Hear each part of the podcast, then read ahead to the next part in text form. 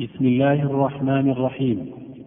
السلام عليكم ورحمة الله وبركاته. وبعد فهذا الدرس الثالث والعشرون من دروس فضيلة الشيخ سليمان بن ناصر العلوان حفظه الله تعالى المتضمنة شرح صحيح البخاري. وموضوع هذا الدرس كتاب الإيمان باب كفران العشير وكفر دون كفر الحديث التاسع والعشرون. وكان إلقاء هذا الدرس في اليوم الحادي عشر من شهر ربيع الثاني من عام 1422 الحمد لله رب العالمين وصلى الله وسلم على عبده ورسوله نبينا محمد. وعلى آله وصحبه أجمعين قال الإمام الحافظ أبو عبد الله محمد بن إسماعيل البخاري رحمه الله تعالى في صحيحه باب كفران العشير وكفر دون كفر فيه عن أبي سعيد الخدري عن النبي صلى الله عليه وسلم حدثنا عبد الله بن مسلمة عن مالك عن زيد بن أسلم عن عطاء بن يسار عن عن ابن عباس قال قال النبي صلى الله عليه وسلم أريت النار فإذا أكثر أهلها النساء يكفرن قيل يكفرن بالله قال يكفرن العشير ويكفرن الإحسان لو أحسنت إلى إحداهن الدهر ثم رأت منك شيئا قالت ما رأيت منك خيرا قط. الحمد لله رب العالمين والصلاة والسلام على نبينا محمد وعلى آله وصحبه أجمعين. قال الإمام البخاري رحمه الله تعالى باب كفران العشير وكفر دون كفر. فيه عن أبي سعيد الخدري عن النبي صلى الله عليه وسلم. يحتمل أن يكون مقصود البخاري رحمه الله تعالى بهذه الترجمة بيان أن الكفر كفران. منه ما هو أكبر ومنه ما هو دون ذلك. ويحتمل أن يكون مراد البخاري رحمه الله تعالى بيان أن الطاعات تسمى إيمانا كما أن المعاصي تسمى كفرا. ولكن ليس من قام به ولكن ليس من قام به شعبة من شعب الكفر يصير كافرا. الكفر المطلق يصير كافرا الكفر المطلق كما أنه ليس من قام به شعبة من شعب الإيمان يصير مؤمنا حتى يقوم به أصل الإيمان. دلت الأدلة أن الكفر إذا أطلق في الكتاب يراد به الأكبر. دلت الأدلة على أن الكفر إذا أطلق في كتاب الله جل وعلا يراد به الأكبر. ولا يصح حمله على الأصغر إلا بدليل. وأما بالنسبة للسنة فالأصل فيها أيضا حمل الكفر على الأكبر سواء كان معرفا باللام أو منكرا إلا بقرينة صارفة. والقرائن كثيرة. قد تكون القرينة في نفس الحديث قد تكون القرينة في الإجماع قد تكون القرينة بدليل آخر. دل الوضع اللغوي أن الكفر إذا أطلق في القرآن وعرف بالألف واللام لا يحتمل إلا الأكبر. فقوله جل وعلا ومن لم يحكم بما أنزل الله فأولئك هم الكافرون لا يصح حمله على الأصغر. هذا اللي دلت عليه اللغة ودلت عليه الآثار الواردة عن الصحابة. وما جاء عن ابن عباس من قوله كفر دون كفر فلا يصح عنه. وقد تقدم بيان ذلك مرارا. وأما بالنسبة للوارد عن النبي صلى الله عليه وسلم فهو على هذه القاعدة. إلا ما دل الدليل على خلاف ذلك. كقوله صلى الله عليه وسلم يكفرن العشير. هذا ليس بالكفر الأكبر. وكقوله صلى الله عليه وسلم سباب المسلم فسوق وقتاله كفر. متفق عليه من حديث عبد الله. هذا ليس بالكفر الأكبر. وكقوله صلى الله عليه وسلم لا ترجعوا بعد كفارا يضرب بعضكم رقاب بعض. هذا ليس بالكفر الأكبر. الحديث الصحيحين. وكقوله صلى الله عليه وسلم اثنتان بالناس هما بهم كفر الطعن في النسب والنياحة على الميت. هذا ليس بالكفر الأكبر والحديث رواه مسلم في صحيحه. وقد قال بعض أهل العلم إن المقصود بقوله صلى الله عليه وسلم سباب المسلم في سوء سباب المسلم في سوء وقتاله كفر وبقوله صلى الله عليه وسلم اثنتان بالناس هما بهم كفر وبقوله صلى الله عليه وسلم لا ترجعوا بعد كفارا المقصود بذلك الكفر الأكبر إذا استحل. وهذا مذكور عن طائفة من فقهاء الحنابلة ومنسوب إلى الإمام أحمد رحمه الله. وهذا في نظر. لأن لو استحل ذلك أصبح كافرا ولو لم يفعل. هذا الأمر الأول. الأمر الثاني أن صرف اللفظ عن ظاهره بقرينة الاستحلال أو الجحد في نظر أيضا. الأمر الثالث أن الكفر كفران. الكفر الأكبر لا يشترط فيه الاستحلال ولا الجحد. فمن قال أو فعل ما هو كفر صريح كفر ولو لم يجحد أو يستحل. هذا الذي اتفق عليه الصحابة والتابعون. المعاصي التي تشترط فيها الاستحلال هي ما دون الكفر الأكبر. كشرب الخمر والزنا وأكل الربا والغيبة والنميمة ونحو ذلك. لا يكفر بمثل هذه الأمور إلا مع الاستحلال. وقد التبس هذا الأمر على كثير من المتأخرين ونقلوا عن السلف أنهم يقولون لا نكفر أحدا من أهل القبلة بذنب ما لم يستحله. فقالوا بأنه لا يكفر أحد إلا بالاستحلال مهما عمل ومهما فعل ومهما قال. وهذا لم يقل به أحد من الصحابة ولا من التابعين ولا من الأئمة المشهورين. إنما هذا منسوب إلى المرجئة وغلاة الجهمية ونحو ذلك. ومقصود السلف في قولهم لا نكفر أحدا من أهل القبلة الرد على الخوارج الذين يكفرون بكل ذنب. بدليل قول السلف من أهل القبلة فإن الكافر لا يسمى من أهل القبلة. ولما أجمع عليه المسلمون من أن من سب الله سبا صريحا أو سب الرسول صلى الله عليه وسلم سبا صريحا أو طاف على القبور أو سجد للأصنام أنه يكفر بمجرد القول والفعل. قال الله جل وعلا قل أب الله وآياته ورسوله كنتم تستهزئون لا تعتذروا قد كفرتم. وقال تعالى ولقد قالوا كلمة الكفر وكفروا بعد إسلامهم. فمن أقول الكفر هو مجرد القول دون نظر إلى الاستحلال ونحو ذلك. فحين نقول بأن مطلق الطاعات تسمى إيمانا ومطلق المعاصي تسمى كفرا لا يعني ذلك. أن من عمل طاعة صار مؤمنا كامل الإيمان أو قام به أصل الإيمان. ولا أن من قام به شعبة من شعب الكفر أصبح مرتدا عن الدين. فالقول الأول هو قول المرجئة والقول الثاني هو قول الخوارج. وأهل السنة والجماعة وسط بين تلك الفرقتين الضالتين. وأهل السنة والجماعة يفرقون بين كفر وآخر. فالكفر الأكبر عندهم له مراتب ودون ذلك الكفر الأصغر وله مراتب. بعضها أشد من بعض.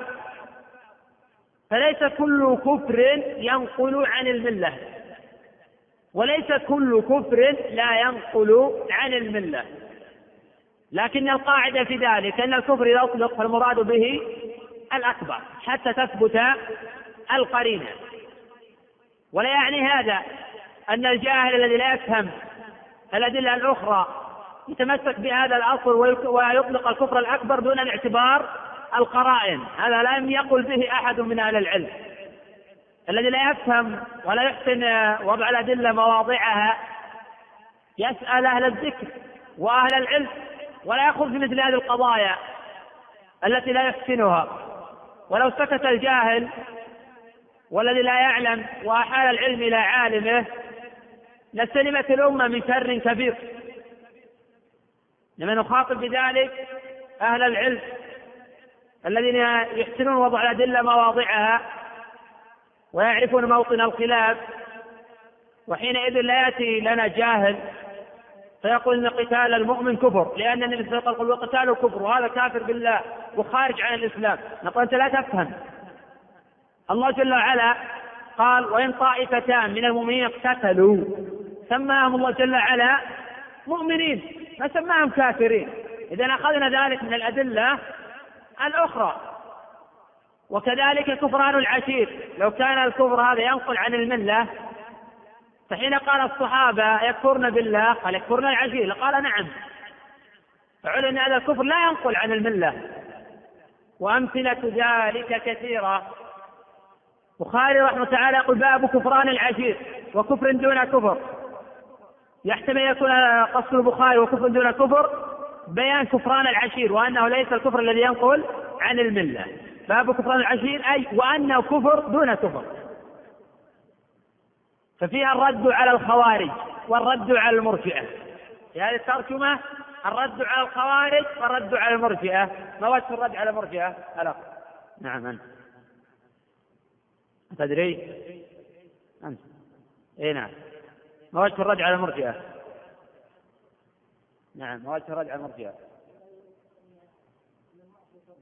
يقول إن المعاصي لا تضر فهذا أثبت أنها تضر اذا فيها رد على المرجئه ما وجه الرد على الخوارج؟ نعم أنه يتبعض اي نعم وأنه إذا آه وأن من قالت به خصم من خصال الكفر لا يلزم أن يكون مرتدا عن الدين ففيه كفر دون كفر الذي لا ينقل عن الملة.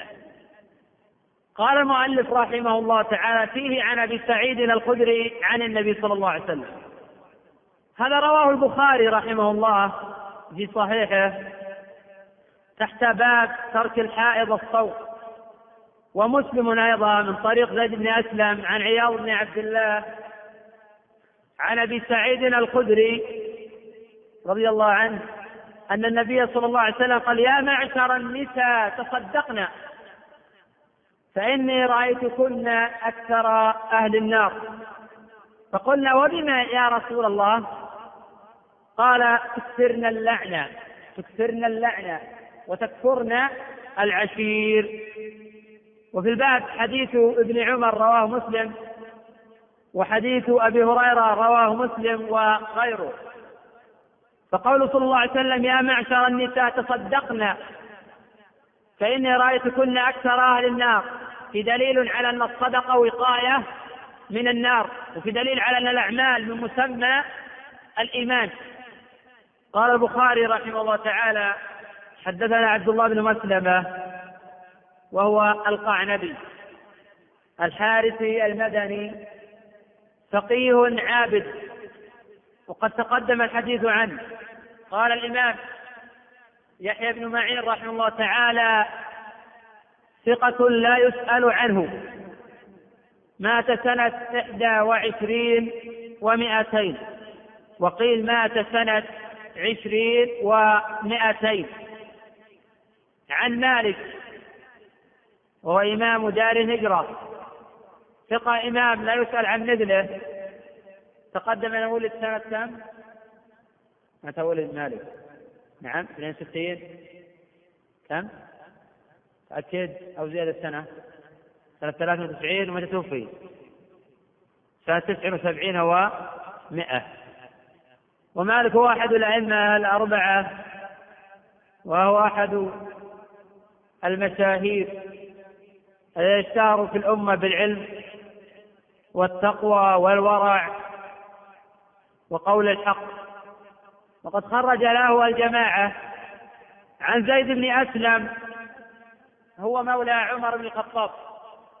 تابعي ثقة تابعي ثقة. توفي سنة ثلاث وثلاثين ومائة روى له الجماعة. قال زيد بن أسلم عن عطاء بن يسار وهو أخو سليمان بن يسار. تابعي ثقة كثير الحديث. خرج له الجماعة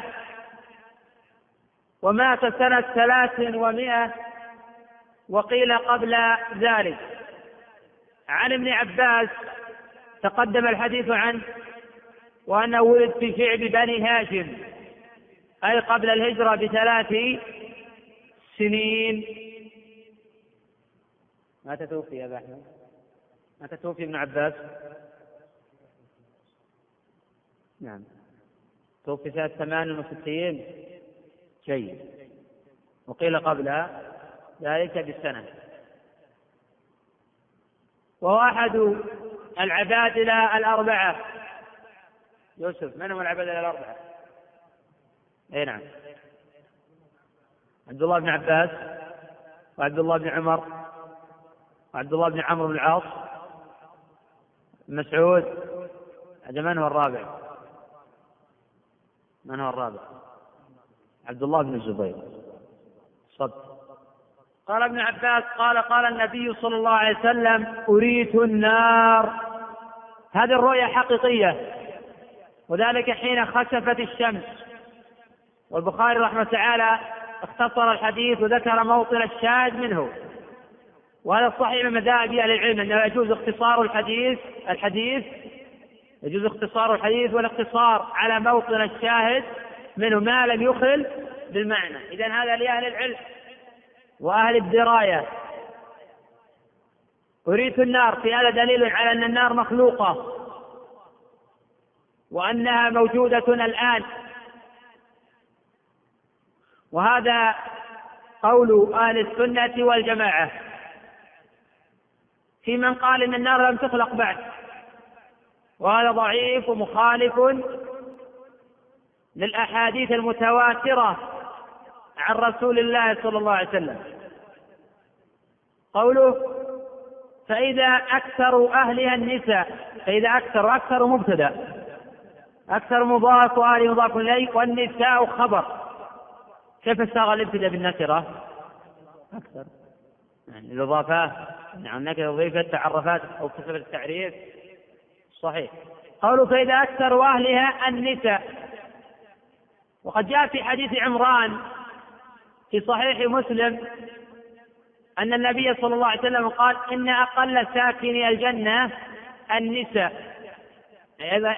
إذا أين ذهبنا؟ إلى النار؟ والمقصود بأن أقل ساكن الجنة النساء من نساء الدنيا. ولا فيها مليئة من الحور العين. قال النبي صلى الله عليه وسلم فإذا أكثر أهل النساء يكفرن. هذا السبب في كونهن يدخلن النار. أنهن يكفرن. والكفر إذا أطلق يراد به الكفر الأكبر. المرأة يكفرن بالله يكفرن برسول الله صلى الله عليه وسلم. وهذا اللي تبادر إلى أذهان الصحابة فتعاظموا الأمر. قيل أيكفرن بالله؟ أي قيل يا رسول الله أيكفرن بالله؟ هذا الذي تبادر إلى أذهانهم. لكن النبي صلى الله عليه وسلم نفى هذا التوهم. قال يكفرن العشير ويكفرن الإحسان. في استفصال المفضول من الفاضل والطالب من العالم. استفصال المفضول من الفاضل والطالب من العالم ولا سيما إذا أورد العالم حكما عاما يحتاج إلى تفصيل أو لفظا قد يتبادر إلى الذهن خلاف ما قصد به. والاستفصال في مقام الاحتمال هذا ما حكمه؟ الاستفصال في مقام الاحتمال واجب. الاستفصال نوعان منه ما هو واجب وذلك في مقام احتمال ومنه ما ليس بواجب الصحابة رضي الله عنهم قيل أيكفرن بالله؟ يعني آه، وقع في أذانهم أنه يدخلن النار بسبب الكفر بالله وأنهم يرتدن عن الدين أو لا يؤمنن أصلا. فقال النبي صلى الله عليه وسلم لا يكفرن العشير بمعنى أنهن مسلمات ويحملن اسم الإسلام وفيهن إيمان يصحح هذا الإسلام غير أنهن يرتكبن كبائر الذنوب. والكبائر من أسباب دخول النار. ولا يلزم الحكم على فعل بالنار. إذا مات على ذاك يكون من أهل النار. فإن الحكم على النوع غير الحكم على العين. فإذا قيل يدخل الجنة قاطع رحم لا يعني هذا لأننا إذا رأينا رجلا قد قطع رحما نقول يدخل الجنة. قد يكون من أهل الجنة. لأن الله جل وعلا يقول إن الله لا يغفر أن يشرك به ويغفر ما دون ذلك لمن يشاء. والله جل وعلا لا يخلف وعده ولكن قد يخلف وعيده وهذا يعتبر كرما في حق الله جل وعلا. وقيل يدخل الجنة قطع رحم هذه النصوص الوعيدة يجرى على ظاهرها. وقيل يدخل الجنة إذا استحل ذلك وهذا بعيد جدا. وقيل يدخل الجنة من أول وهلة وقيل غير ذلك. وعلى كل الذي نعتقده ويعتقده عامة أهل السنة والجماعة أن أصحاب الكبائر لا يخلدون في النار. مهما عذبوا فسوف يخرجون من هذا العذاب ويدخلون الجنة. إنما يخلد في النار من أتى بما ينافي أصل الإيمان. أما من أتى بما ينافي كمال الواجب فهذا لا يكفر اتفاقا. فقال النبي صلى الله عليه وسلم يكفرن العشير. أي الزوج.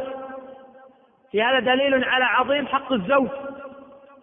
وقد جاء في حديث محمد بن عمرو بن علقمة عن أبي سلمة عن أبي هريرة أن النبي صلى الله عليه وسلم قال لو كنت آمرا أحدا أن يسجد لأحد لأمرت المرأة أن تسجد لزوجها.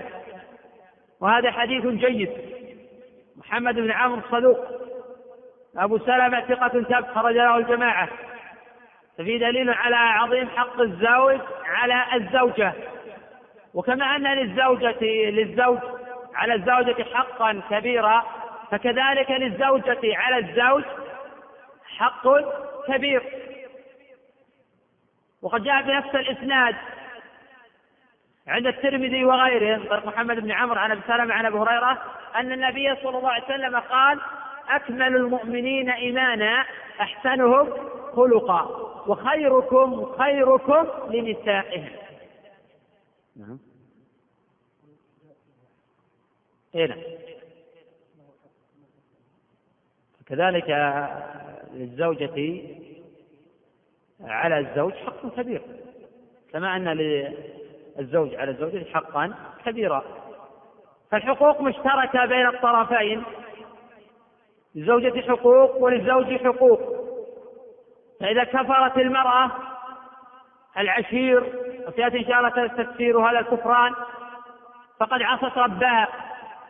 ففي هذا دليل على أن الأعمال مسمى الإيمان وفي دليل على الرد على المرجئة الذي يقول لا يضر مع الإيمان ذنب.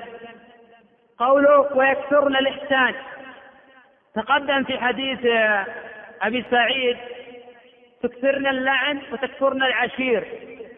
تكثرن اللعن وتكفرن العشير. فقوله صلى الله عليه وسلم تكثرن اللعن يحتمل أحد أمرين. تكثرن اللعن المطلق حيث يكون اللعن سجية للمرأة. تلعن لا يستحق اللعن. ويحتمل تكثرن اللعن لعن الأزواج. أي لعن الأزواج. وقد يشمل الحديث كلا المعنيين. وقوله تكفرن العشير وفي اللفظ وفي لفظ حديث ابن عباس ويكفرن الإحسان. لو أحسنت إلى إحداهن الدهر الدهر منصوب على الظرفية. ثم رأت منك شيئا قالت ما رأيت منك خيرا قط حيث يحسن الزوج إلى زوجته. ويبرها. ويأتي بجميع طلباتها. وفي يوم من الأيام قد يتشاغل عن شيء من حقوقها. وقد تكون هذه الحقوق مفضولة وليست بفاضلة. حينئذ تشرع المرأة في سبه وفي لعنه وفي الحديث عنه وفي شكران ما مضى من معروف الزوج. فتقول منذ أخذتك لم أرى منك خيرا قط. أنا أعيش في عنا أنا أعيش في جحيم. الناس كذا وكذا وأنت تصنع كذا وكذا. وهذه خصلة من خصال أهل النار. وهذه خصلة من خصال أهل النار. وحين ينبغي للزوج أن يصبر على أذى زوجته وأن يعظها ويرشدها ويذكرها بما أمر الله به. كذلك لا ليس من حق الزوج يتضجر من حقوق المرأة. إذا كانت تطالب بما أوجب الله عليه فليس له أن يماطل بها أو أن يمنعها حقها. ما دام أنه حق واجب يجب الوفاء به. النبي صلى الله عليه وسلم كسر كفران الإحسان. قال لو أحسنت إلى إحداهن الدار. طبعا من تتحدث عن بعض النساء لا يتحدث عن كل النساء. النبي صلى الله عليه وسلم يتحدث عن بعض النساء ولا يتحدث عن كل النساء ففيهن الصالحات القانتات. لو أحسنت إلى إحداهن الدهر ثم رأت منك شيئا أي شيئا يسوءها أو يتعارض مع رغباتها قالت ما رأيت منك خيرا قط وهذا الصنيع يعتبر كفرا دون كفر. على ما ترجم له البخاري وكفر دون كفر أو قد يقال بأن هذا كفر دون الكفر الأكبر. فقد يسمى كفر النعمة وقد يسمى بغير ذلك. وهذا الحديث تفرد به البخاري رحمه الله تعالى من هذا الوجه. ورواه مسلم بمعناه وليس فيه الشاهد للترجمة. وقد رواه من حديث جابر بن عبد الله وأجمل ما تقدم من فوائده الفائدة الأولى فيها الرد على المرجئة الذين يقول لا يضر مع الإيمان ذنب. الفائدة الثانية فيها الرد على الخوارج الذين يقولون بأن الإيمان لا يتبعض. فإذا ذهب بعض الإيمان ذهب كله. والذين يقولون بأن أصحاب الكبائر يخلدون في النار. الفائدة الثالثة فيها الرد على القدرية والجبرية. فإن القدرية يقولون بأن العبد يخلق فعل نفسه والجبرية يقول بأن العبد مجبور على ذلك. فالحديث رد عليهما. الفائدة الرابعة في أن النار مخلوقة وأنها موجودة الآن.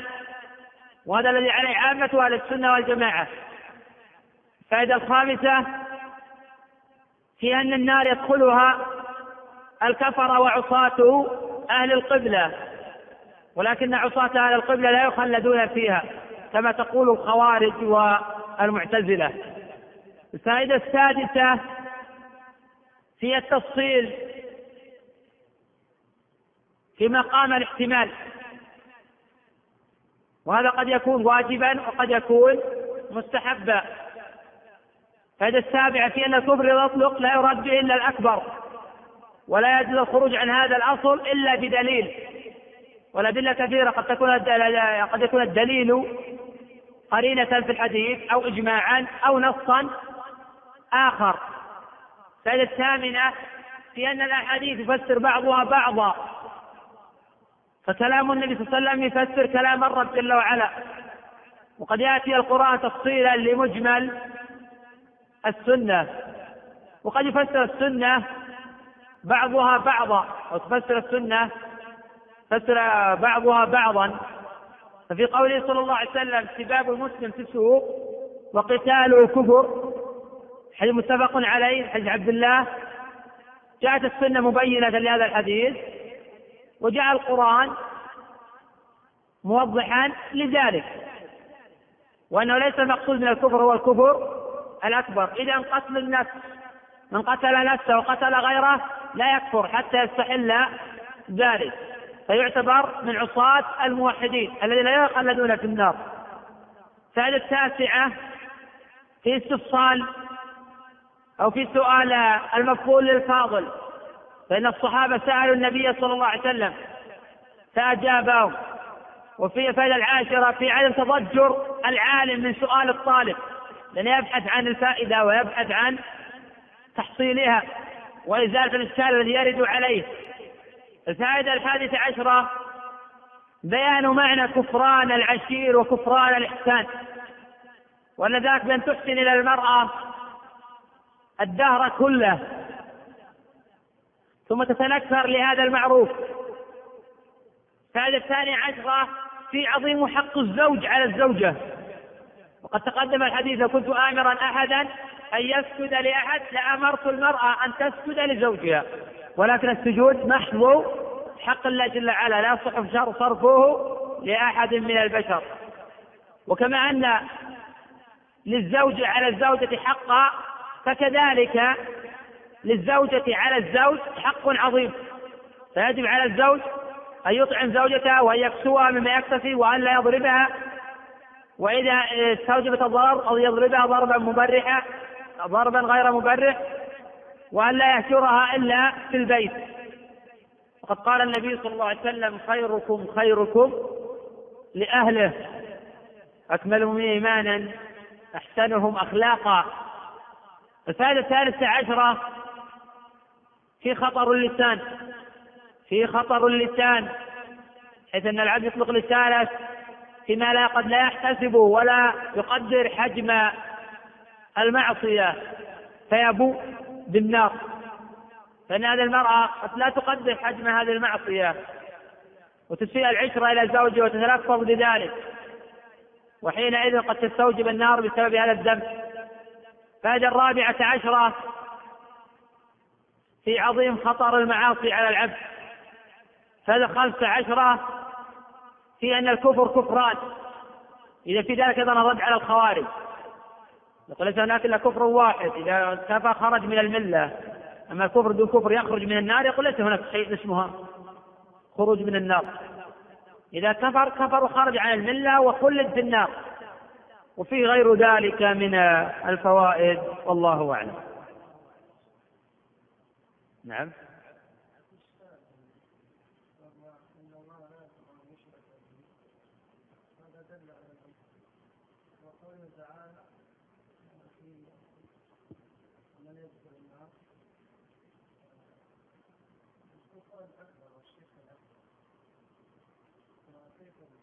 ويغفر ما دون ذلك لمن يشاء. إن الله لا يغفر يشرك به. إذا أشرك العبد بالله الشرك الأكبر خلد في النار. هذا لا إشكال فيه مجمع عليه. وإذا أشرك بالله الشرك الأصغر أو فعل معصية فإن الله يقول ويغفر ما دون ذلك لمن يشاء. قد يغفر الله له من أول وهلة ولا يعذبه باعتبار أن الحسنات آه، آه، أضفت على السيئات أو رجحت على السيئات وقد يعذب لكن لا يخلد. بدليل ما تقدم في الصحيحين وغيرها من الحديث الكثيرة أن الله جل وعلا يخرج النار أقواما. قد انتحشوا وش الإشكال؟ الآيات إن الله يخرج به ليش ما أكثر الآية؟ ما في إشكال. ما في خلاف أبدا. لا يخالف ذلك أحد أهل العلم. ويغفر ما دون ذلك. ما دون ذلك. إذا الأول لا يغفر أصلا. لأنه قال ما دون ذلك أي ما دون الشرك الأكبر فالآية في الشرك الأكبر. وهل يدخل فيها الشرك الأصغر؟ هنا قال بعض العلماء أن يدخل فيها ولكن لا يلزم منه التخليف كما رأي ابن تيمية رحمه الله تعالى بحيث أنه لا يغفر له. والقول الثاني عليه عامة العلماء أنه لا يدخل فيه لأنه لو دخل يدل على أنه يخرج بدليل قول الله جل وعلا إنه يشرك بالله فقد حرم الله على الجنة ومأواه النار. وما للظالمين من أنصار. نعم. اي نعم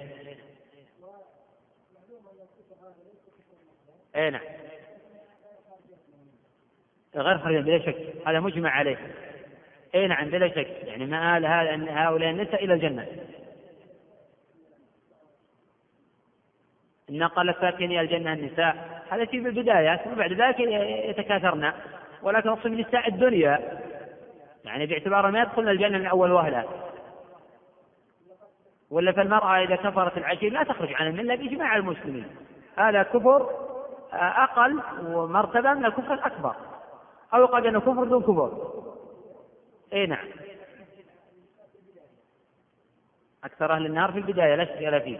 لكن بعد ذلك يخرجنا. لكن بلا شك أن عموما بأن أهل التوحيد لا يساوون شيئا عند أهل الشرك. من كل ألف تسعمائة وتسعة وتسعون إلى النار. واحد إلى الجنة نسبة إلى التوحيد كالشعرة البيضاء في الجلد في جلد الأسود المتكامل. هذا نسبة إلى التوحيد عند أهل الشرك. نعم. نعم. اي نعم. اي نعم. قال هو في النار. اي نعم. لم يقل إنه مخلد في النار. قال هو في النار يعني باعتبار انه شاهد له بالنار باعتبار أنه قتل نفسه شاهد له النبي بالنار لكن النبي لم يقل بأنه مخلد في النار. في دليل الحديث اللي ورد في مسلم الذي رآه بعض الصحابة في الرؤيا بأن الله قد غفر له فأخبر النبي قال والديه فاغفر. هذا دليل ما خلد في النار الحديث في مسلم. نعم. نعم.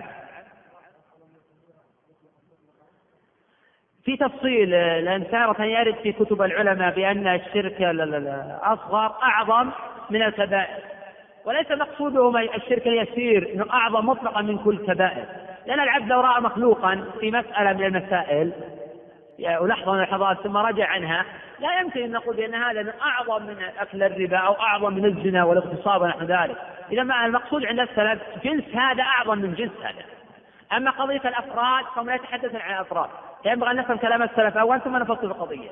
مقصود السلف أن جنس الشرك الأصغر أعظم من جنس الكبائر. وهذا لا إشكال فيه عند أئمة السلف. ولكن لا يلزم أن تكون نوعية الشرك الأصغر آه، أعظم من نوعية هذه الكبيرة المسماة كالزنا والقتل ونحو ذلك.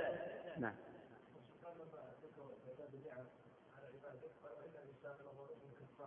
نعم. أي شديد الكفر. نعم. صحيح.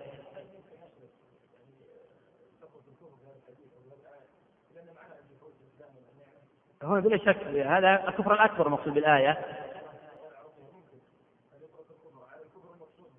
الكفر أنواع يا أخي. الكفر منه ما هو جحد. الإنسان قد يكفر بالقول. ولقد قالوا كلمة الكفر كفروا بعد إسلامهم كفر بالقول. وقد يكفر بالفعل وهو نوعان إما يكون آه، طلبا أو يكون تركا كترك جنس العمل مطلقا هذا كافر بإجماع المسلمين. أو أنه يسجد للأصنام أو يطوف حول القبور ونحو ذلك. النوع الثالث كفر آه، استحلال كأن يستحل المحرم المجمع عليه. النوع الرابع كفر آه، جحد. كفر الجحد. وغير ذلك من أنواع الكفر ككفر الاعتقاد والإعراض ونحو ذلك. الكفر أنواع ومراتب متعددة. الأصل نحمل الكفر على الأكبر لكن لا يعني هذا كما تقدم في كلامي وأكرر. لأن يعني بعض الناس ما عنده معرفة. حين يسمع مثل هذه القواعد أن الأصل في الكفر الأكبر يأتي لحديث ورد في الباب ويقول هذا كافر خارج عن الإسلام. ولا يعرف دلالته ولا مفهومه ولا منطوقه ولا يعرف أنه قد جاء ما يفصله ويبينه ونحو ذلك. هذا لأهل العلم.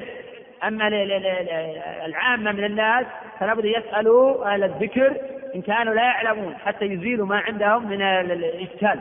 ولأن قضايا تلك قضايا كبيرة لا يقول فيها أهل العلم والمتخصصون بالفهم عن الله وعن والفهم في كلام الله وفي كلام رسوله صلى الله عليه وسلم أما الجهل الذي لا يفهمون فهم يسألون أهل الذكر ويستفصلون آه، منهم ويتحدثون عن الأمور القطعية والأمور المجمع عليه والتي لا يفهمون ولا يعونها يسألون غيرهم حتى يزيلوا الإشكال الوارد عليهم. في خلاف أصلا يعني حبط العمل هل يرد إلى الكفر أم لا؟ قد يرد آه، انها أن عمل هذا حبط ولا يقصد به الكفر. آه، بدليل حديث جندب الوارد في صحيح مسلم الفاصل أحبطت عملك في هذه الجزئية يعني احبطت عملك حتى انه عجب بنفسه فحبط حبط العمل ليس مقصود الكفر الأكبر حديث في صحيح مسلم وكذلك النبي صلى الله عليه وسلم يقول من ترى من ترك صلاة العصر حبط عمله في خلاف هل يكفر الكفر الأكبر أم لا؟ وهذا مبني على الخلاف في من ترك صلاة واحدة هل يكفر أم لا؟ في قولان آه، لأهل العلم رحمه الله تعالى، المساله تحتاج إلى تفصيل. نعم.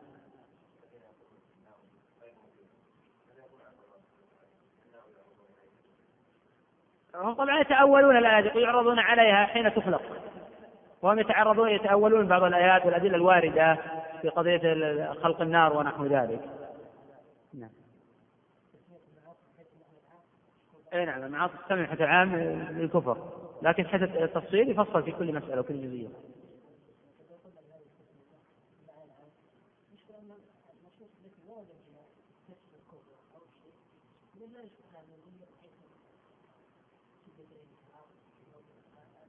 الأخ يسأل عن تقدم أن الطاعات تسمى إيمانا وأن المعاصي تسمى آه، كفرا. ولا يرد الكفر الكفر الناقل عن الملة من حيث الكلام على الجنس والعموم. الأخ يقول لو قلنا بهذا القول طبعا هذا القول الذي ذكرته أنا هو قول ابن تيمية وابن القيم وجماعة من أئمة السلف لو قلنا بهذا القول لن يكن لتسمية بعض المعاصي بالكفر مزية على غيرها. وهذا الإشكال الذي أورد جيد وقد أجبت عليه في كلام الأخ قبل قليل أن السلف يفرقون بين الحديث عن الجنس بين الحديث عن النوع. ولا يأتي الغلط في فهم كثير من طلبة العلم وبعض العلماء إلا من حيث عدم التفريق بين النوع وبين العين. حين نتحدث عن القضية نقول أن هذا أتى الجنس جنس المعاصي داخل في مسمى الكفر. ولكن لا يلزم من ذلك تسمية كل نوع من المعاصي بأن هذا كفر. شخص استمع للأغاني ونعتقد أن الأغاني محرمة. لا يصح أن نقول أنه فعل كفرا. إذا لم نسمي النوع كفرا سمينا الجنس. واضح الفرق؟ فحينئذ يحصل الجواب عن قضية ما سماه النبي صلى الله كفرا. وأن ما سماه النبي صلى كفرا أعظم من اللي مسميه آه، بذلك.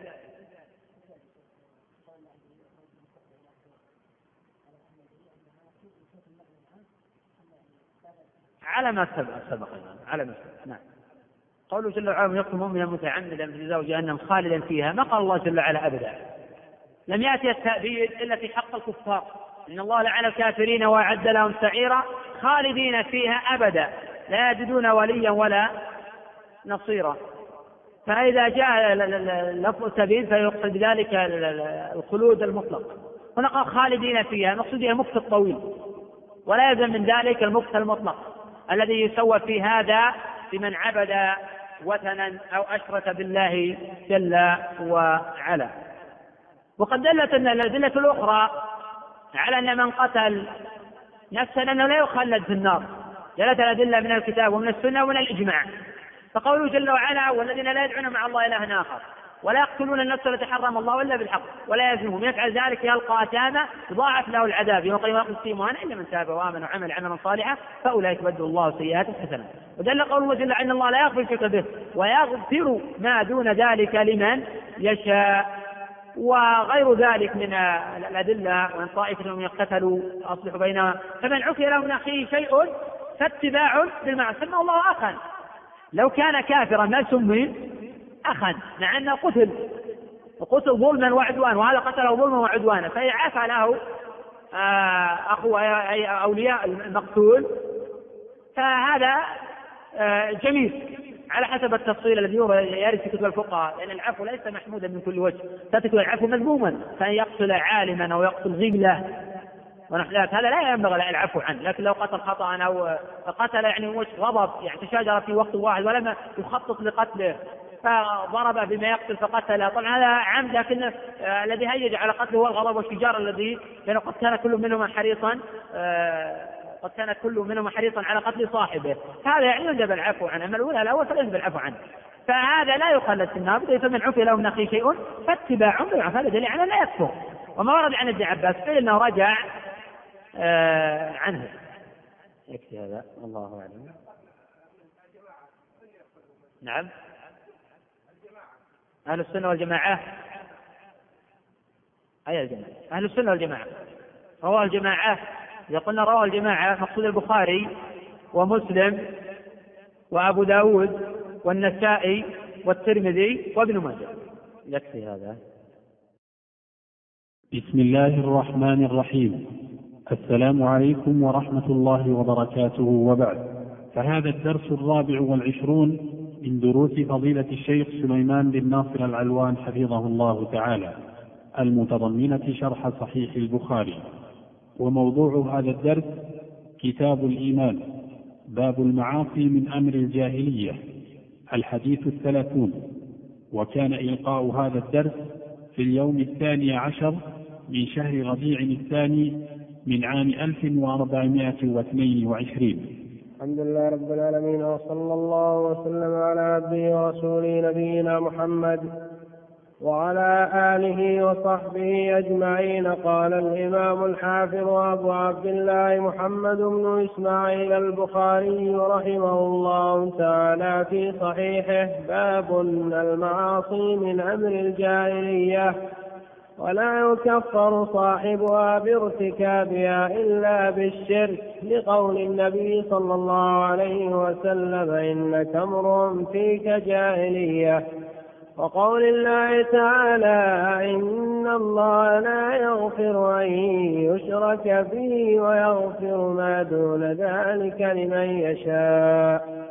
حدانا سليمان بن حرب قال حدانا شعبة عن واصل الأحزب عن المعروض قال لقيت أبا ذر بالربذة وعليه حلة وعلى غلامه حلة. فسألته عن ذلك فقال إني ساببت رجلا فعيرته بأمي فقال لي النبي صلى الله عليه وسلم يا أبا ذر أعيرته بأمه إنك أمر فيك جاهلية إخوانكم خولكم جعلهم الله تحت أيديكم فمن كان أخوه تحت يده فليطعمه مما يأكل وليلبسه مما يلبس ولا تكلفوهم ما يغلبهم فإن كلفتموهم فأعينوهم. الحمد لله رب العالمين والصلاة والسلام على نبينا محمد وعلى آله وصحبه أجمعين. قال الإمام البخاري رحمه الله تعالى باب المعاصي من أمر الجاهلية. باب خبر لمبتدأ محذوف تقديره هذا باب وباب بالتنوين. المعاصي من أمر الجاهلية المعاصي مبتدأ والخبر من أمر الجاهلية. المعاصي تشمل الصغائر والكبائر وما فوق ذلك من الكفر والشرك. قال الله جل وعلا ومن يعص الله ورسوله ويتعد حدوده يدخله نارا خالدا فيها وله عذاب مهين. غير أن المؤلف رحمه الله تعالى يتحدث هنا عن المعاصي التي دون الشرك. وقوله من أمر الجاهلية الجاهلية اسم لما كان قبل البعثة فهم أهل الجاهلية ويطلق هذا الوصف على كل شيء يخالف ما جاء بالكتاب والسنة. ومن قامت به خصلة من خصال الجاهلية لا يلزم من ذلك كفره ولا بدعته ولا فسقه. وخصال الجاهلية مراتب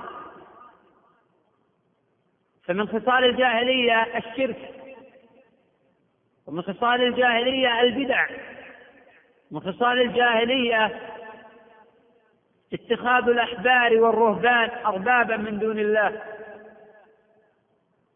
إذا نفهم من هذا أن خصال الجاهلية أعم من مجرد المعصية. فمن قالت به خاصة من خصال الجاهلية فلا يلزم من ذلك كفر كما سبق فقد يكون كافرا وقد لا يكون كافرا. فقد يكون مبتدعا وقد لا يكون مبتدعا. وقد يكون فاسقا وقد لا يكون فاسقا. فإن خصال الجاهلية مراتب ويجب إعطاء كل مسألة حقها. بلا إفراط ولا تفريط. البخاري رحمة تعالى يقول ولا يكفر صاحبها بارتكابها إلا بالشرك. أي ولا يكفر من ارتكب شيئا من خصال الجاهلية إلا بالشرك أو الكفر. أي ما يناقض أصل الإيمان. إلا بارتكاب ما يناقض أصل الإيمان. وقد قصد بهذه الترجمة الرد على الخوارج الذين يكفرون بكبائر الذنوب ويجعلون ذنبا ما ليس بذنب ويرتبون عليه أحكام الكفر ويخلدون أصحاب الكبائر في الجحيم. فمن كانت في خصلة من خصال الجاهلية فلا يكفر إلا إذا كانت هذه الخصلة تنافي أصل الإيمان. لقول النبي صلى الله عليه وسلم إنك امرؤ فيك جاهلية علقه البخاري رحمه تعالى وجزم بصحته وأورده تحت هذا الباب ووصله تحت هذا الباب والحديث متفق على صحته. فأبو ذر على جلالة قدره وعظيم منزلته. فيه هذه الخصلة التي هي من خصال الجاهلية ولم يكفر بذلك ولم يفسق بذلك. فهذا أعظم دليل أو فهذا من أعظم الأدلة الدالة على فساد مذهب الخوارج الذين يكفرون بالمعاصي. وقول صلى الله عليه وسلم إنك امرؤ فيك جاهلية لم يقل إنك امرؤ جاهلي. قال فيك جاهلية أي فيك خصلة من خصال الجاهلية. ولا يلزم أن من قالت في خصلة من خصال الجاهلية يكون جاهلية. وهذا يجرنا إلى الحديث عن الطوائف والمذاهب حيث ينسب إليها من ليس من أهلها. فمن قال بقول من آراء الخوارج لا تصح نسبته إلى الخوارج. ومن قال بقول من أقاويل المرجئة فلا تصح نسبته إلى المرجئة حتى تكون أصوله هي أصول الخوارج أو أصول المرجئة أو أصول الرافضة أو أصول الجهمية أو أصول المعتزلة. فحينئذ ينسب إلى هذه الجماعة. فإذا أخطأ خطأ. ووافق في هذا الخطأ المعتزلة أو الأشاعرة أو الخوارج أو المرجئة فمن الظلم والجور أن ننسب هذا المخطئ إلى هذه الطائفة. وقال البخاري رحمه تعالى وقول الله تعالى إن الله لا يغفر ويشرك به. أن يشرك به المقصود من الشرك هو الشرك الأكبر فهو الذي لا يغفر إلا بالتوبة. ومن لقي الله به فهو خالد مخلد في النار. وقال بعض العلماء يدخل في ذلك الشرك الأصغر. فلا بد من عذابه ولكنه لا يخلد. وفي هذا نظر لأنه إذا دخل في هذا العموم فما هو الدليل على إخراجه؟ وقد قال الله جل وعلا إنه من يشرك بالله فقد حرم الله عليه الجنة ومأواه النار وما للظالمين من أنصار. جنس الشرك الأصغر أعظم من جنس الكبائر. الصحيح أنه تحت المشيئة وأن داخل في قول الله جل وعلا ويغفر ما دون ذلك أي ما دون الشرك الأكبر لمن يشاء. والشرك الأكبر مراتب والآية في الشرك ويدخل فيها الكفر. بل قال جماعة من المفسرين على هذه الآية إن الله لا يغفر ويشرك به أي أن يكفر به. وقد اختلف العلماء رحمهم الله تعالى في التفريق بين الشرك والكفر. فمنهم من قال الشرك هو الكفر والكفر هو الشرك. فكل مشرك كافر وكل كافر مشرك. والقول الثاني أن الشرك يختلف عن الكفر. فالشرك هو تسوية غير الله بالله فيما هو من خصائص الله. والشرك مأخوذ من التسوية والتشريك. وأعظم الذنوب أن تجعل لله ندا وهو خلقك. والكفر ما لا يقتضي تشريكا كإنكار البعث وكترك جنس العمل مطلقا ونحو ذلك. وهذا الصواب أن الشرك مغاير للكفر. وحينئذ يقال كل مشرك كافر وليس كل كافر مشركا. الساحر يقال عنه بأنه كافر ولا يقال عنه بأنه مشرك. ومن أنكر البعث يقال عنه بأنه كافر ولا يقال عنه بأنه مشرك. ومن سب الله أو سب الرسول صلى الله عليه وسلم سبا صريحا يقال عنه بأنه كافر ولا يقال عنه بأنه مشرك. قال الله جل وعلا لم يكن الذين كفروا من أهل الكتاب والمشركين. فقد فرق الله جل وعلا بين الشرك وبين الكفر. وقد يجتمعان في الشخص الواحد. وقد يطلق الكفر على ما هو أعم من ذلك. أي يطلق على الحكم العام حيث يدخل فيها المشرك يدخل فيها اليهود يدخل فيها النصراني وغير ذلك. يقول فلان كافر أي لتعريفه لمغايرته بينه وبين المسلم. وهذا كثير في كلام السلف. وقد جاء إطلاق الشرك على الكفر. قال الله جل وعلا وقالت اليهود عزير بن الله وقالت النصارى المسيح ابن الله. ذلك قولهم بأفواههم ظاهرون قول الذين كفروا من قبل قاتلهم الله أن يؤفكون. اتخذوا أحبارهم ورهبانهم أربابا من دون الله والمسيح ابن مريم. وما أمروا إلا ليعبدوا إلها واحدا لا إله إلا هو سبحانه عما يشركون. فهؤلاء الكفار سماهم الله جل وعلا مشركين. التي قد يجاب عن هذه الآية فيقال هؤلاء جمعوا وصفين وصف الكفر ووصف الشرك والأول وصف الكفر باعتبار المغايرة بينه وبين المسلمين والوصف الثاني باعتبار الوصف القائم بهم. وعلى كل الذي ينبغي أن نفهمه والنعيه أن الشرك نوعان منه ما هو أكبر منه ما هو أصغر والكفر نوعان منه ما هو أكبر ومنه ما هو دون ذلك. فمن لقي الله بالأكبر فهذا لا يغفر له. ما لم يتب. فمن لقي الله بالأكبر فهذا لا يغفر له. وهذا يخلد في النار. والصحيح أن الشرك الأصغر لا يدخل في الآية. إن الله لا يغفر الشرك به. وأن دلالة الشرك الأكبر. قوله ويغفر ما دون ذلك. ويغفر ما دون ذلك. في هذه الآية رد على الخوارج. حيث يخلدون أصحاب الكبائر في النار. وما دون ذلك يدخل فيها الكبائر وغيرها. وقوله لمن يشاء في رد على مرجئة. الذين يقول لا يضر مع الإيمان ذنب فإن الله قال لمن يشاء. إذا في من لا يغفر له. ولكن إذا لم يغفر لصاحب الكبيرة فلا يخلد في الجحيم. والآية صريحة في الرد على الخوارج والرد على المرجئة قال البخاري رحمه الله تعالى حدثنا سليمان بن حرب وهذا هو الأزدي البصري. تقدم الحديث عنه. ما منكم يحفظ متى ولد؟ على عبد الرحمن. نعم صد.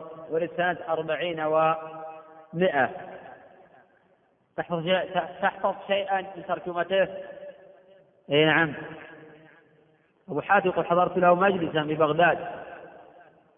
قدر من حضر يقدرون بكم؟ نعم نعم. نعم يقدرون بأربعين ألفا. هو إمام متفق على إمامته وعلى جلالته. ولهذا أيضا يقول أبو حاتم رحمه الله تعالى كان سليمان بن حرب قل من يرضى من المشايخ فإذا رأيت روى عن شيخ فاعلم أنه ثقة. ألا متى توفي جيد. إذا سئل المرء عما لا يعلم قال الله أعلم. هذا خصاص الحقيقة. حين قال لا أدري. ولا عيب في ذلك. ولا عيب في ذلك. العيب أن يتحدث الإنسان عما لا يعلم. وإذا سئل عما يعلم يجيبه. عما لا يعلم يقول الله أعلم. يكل العلم إلى عالمه نعم. الأخ يقول توفي سنة أربع وعشرين ومائتين وقد أصاب. توفي الإمام سليمان بن حرب سنة أربع وعشرين ومائتين قال حدثنا شعبة. متولي شعبة؟ طيب. العلم يحفظ بالتقييد نعم. خذنا الوفاة متى ولد شعبة هذا اكتب المواليد نعم. سنة 82 وقيل اي نعم. كتبت جيد. أعطنا متى توفي. توفي سنة 63 و100 صحيح؟ نعم. عبد الرحمن؟ 60 و100 نعم. توفي سنة 60 و100 شعبة هو أمير المؤمنين في الحديث قال عن سفيان. وأمير المؤمنين في الحديث وقال عن غير واحد كان أمة وحدة في هذا الشأن. قال عن واصل الأحدب هو واصل بن حيان. ثقة سبت قاله ابن معين. ووثقه النسائي وغيره.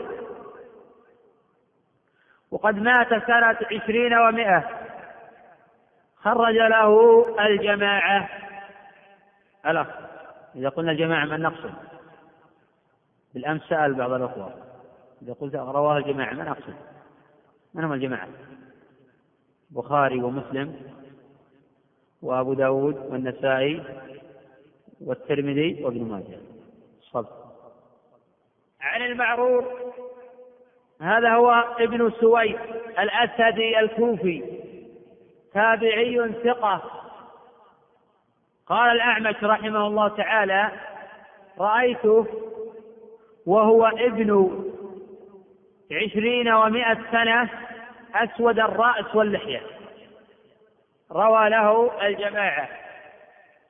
قال لقيت أبا ذر بالربدة. أبو ذر اسمه سندب. ابن جنادة الغفاري وهو أحد السابقين الأولين إلى الإسلام. وكان إماما في الزهد إماما في العلم إماما في الورع إماما في قول الحق والصدع بذلك. فلا يخاف في الله لومة لائم.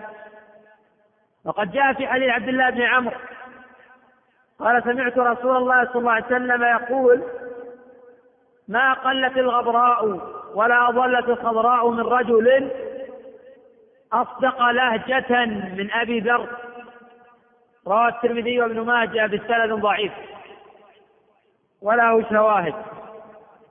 وكان أبو ذر رضي الله عنه لا يبالي في الله لومة لائم. وقد روى الداري بسند قوي من طريق أبي كثير عن أبيه. قال أتيت أبا ذر وهو جالس عند الجمرة الوسطى وقد اجتمع الناس علي يستفتونه فأتاه رجل فوقف عليه فقال ألم ينهك أمير المؤمنين عن الفتيا فرفع رأسه ثم قال أرقيب أنت علي؟ لو وضعتم الصمصامة. ما هي الصمصامة؟ ما هي الصمصامة؟ ما هي الصمصامة؟ يقول لو وضعتم الصمصامة على هذه وأشار بيده إلى رقبته ما الصمصامة. الصمصامة الصمصامة صمصامة. هل كل سيف صمصامة. صمصامة. صمصامة. الأخوان يقول السيف هم حول الجواب لكن هل كل سيف الصمصامة من يكون يعرف الصمصامة الذي لا ينثني نعم صاب له. يقول السيف الذي لا ينثني السيف الذي لا ينثني يقول وضعتم الصمصامة السيف الذي لا ينثني حيث تذهب رقبتي مع ضربه. على هذا وأشار إلى قفاه ثم ظننت أني أنفذ كلمة سمعتها من رسول الله صلى الله عليه وسلم قبل أن تجيزوا علي لأنفذتها. ورواه ابن نعيم في الحلية وعلقه البخاري في صحيحه بصيغة الجزم بالصحة. أبو ذر رضي الله عنه مات سنة اثنتين وثلاثين. مات قبل عبد الله بن مسعود رضي الله عنه. مات بعده ابن مسعود بأيام قلائل. وقيل مات بعده بعام. مات سنة ثلاث وثلاثين ابن مسعود. قال لقيت أبا ذر بالربدة الربدة بفتح الراء والموحدة. وهي من قرى المدينة أو قريبة من المدينة وتقرب من ذات عرق على طريق الحجاز. في الأعوام المتأخرة من عصرنا ظهرت قرية قالوا لها الربدة بين القصيم والمدينة وضعت عليها لافتات كثيرة جدا. ويخيل لبعض الناس أنها هي المقصودة بالربدة في هذا الحديث وهذا غلط. ليست هي الربدة التي قطنها أبو ذر رضي الله عنه. الربدة التي قطنها أبو ذر في طريق الذاهب إلى مكة. في طريق الذاهب إلى مكة. ولا ولا ولا تقع بين القصيم والمدينة. وليست هي الموصوفة في كلام المؤرخين السابقين. ثم لو فرض أن هي المقصودة فلا وجه لتعظيمها ولا للذهاب إليها ونحو ذلك أو شد الرحال لذلك. يقول لقيت أبا ذر بالربدة وعلي حلة وعلى غلامي حلة.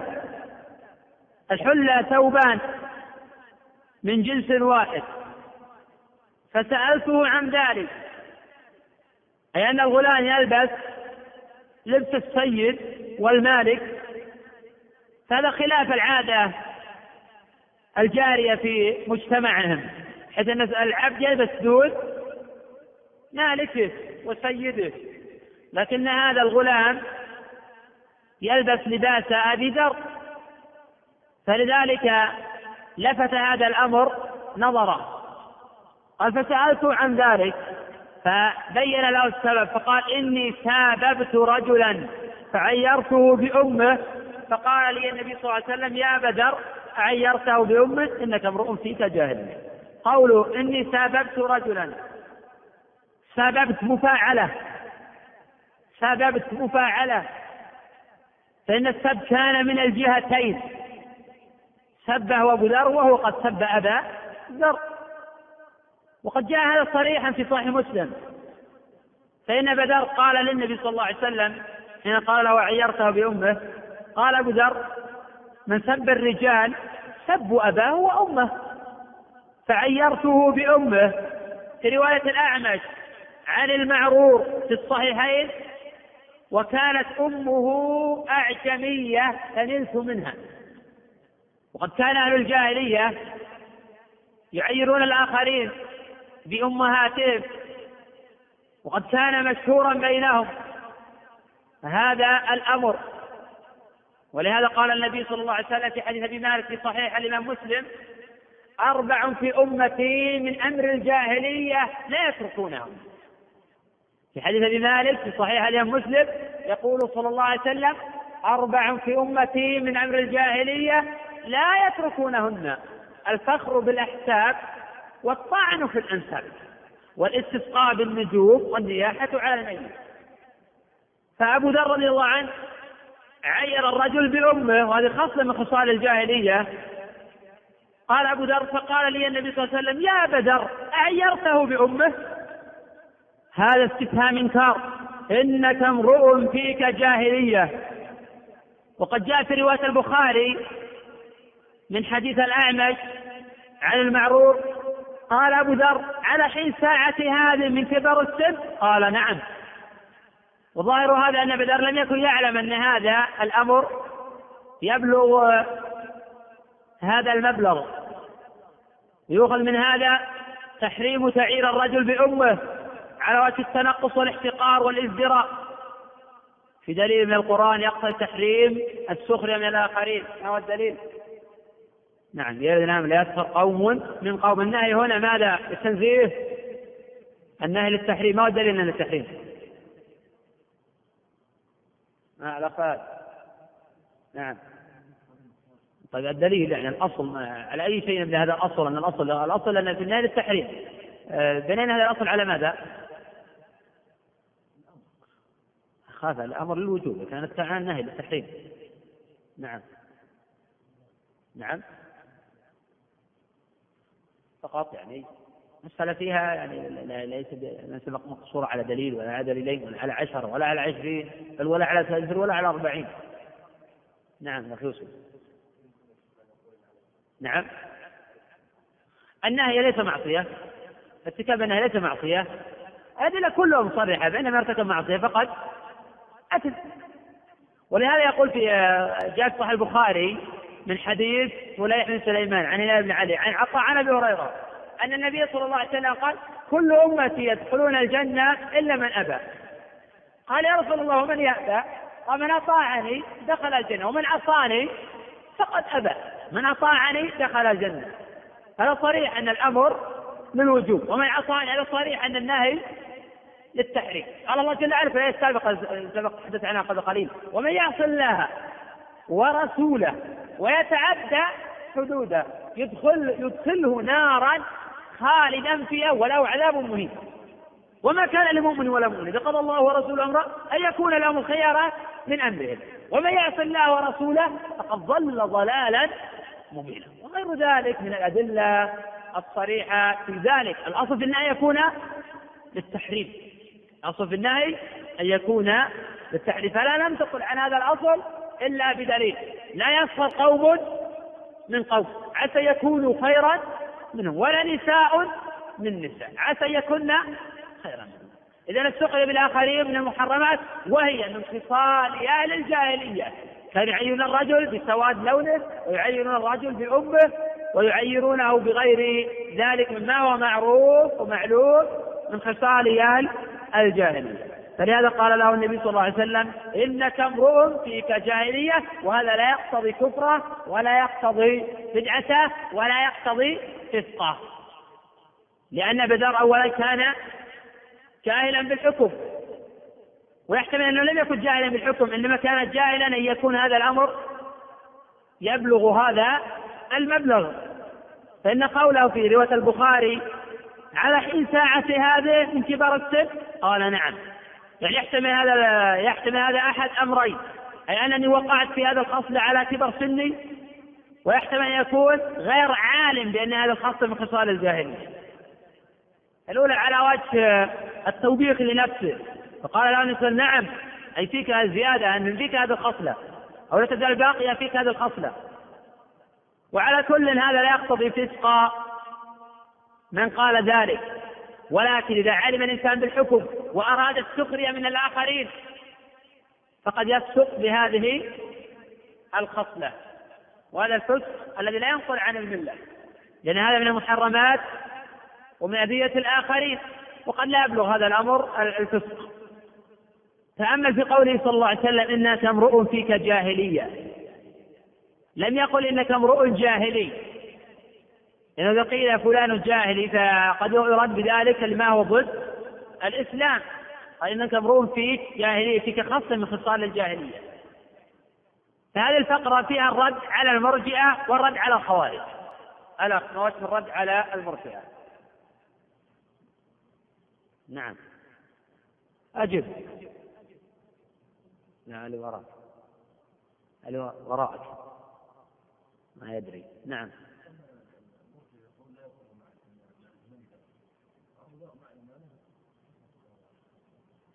المرجع يقول يظهر مع الإيمان ذنب.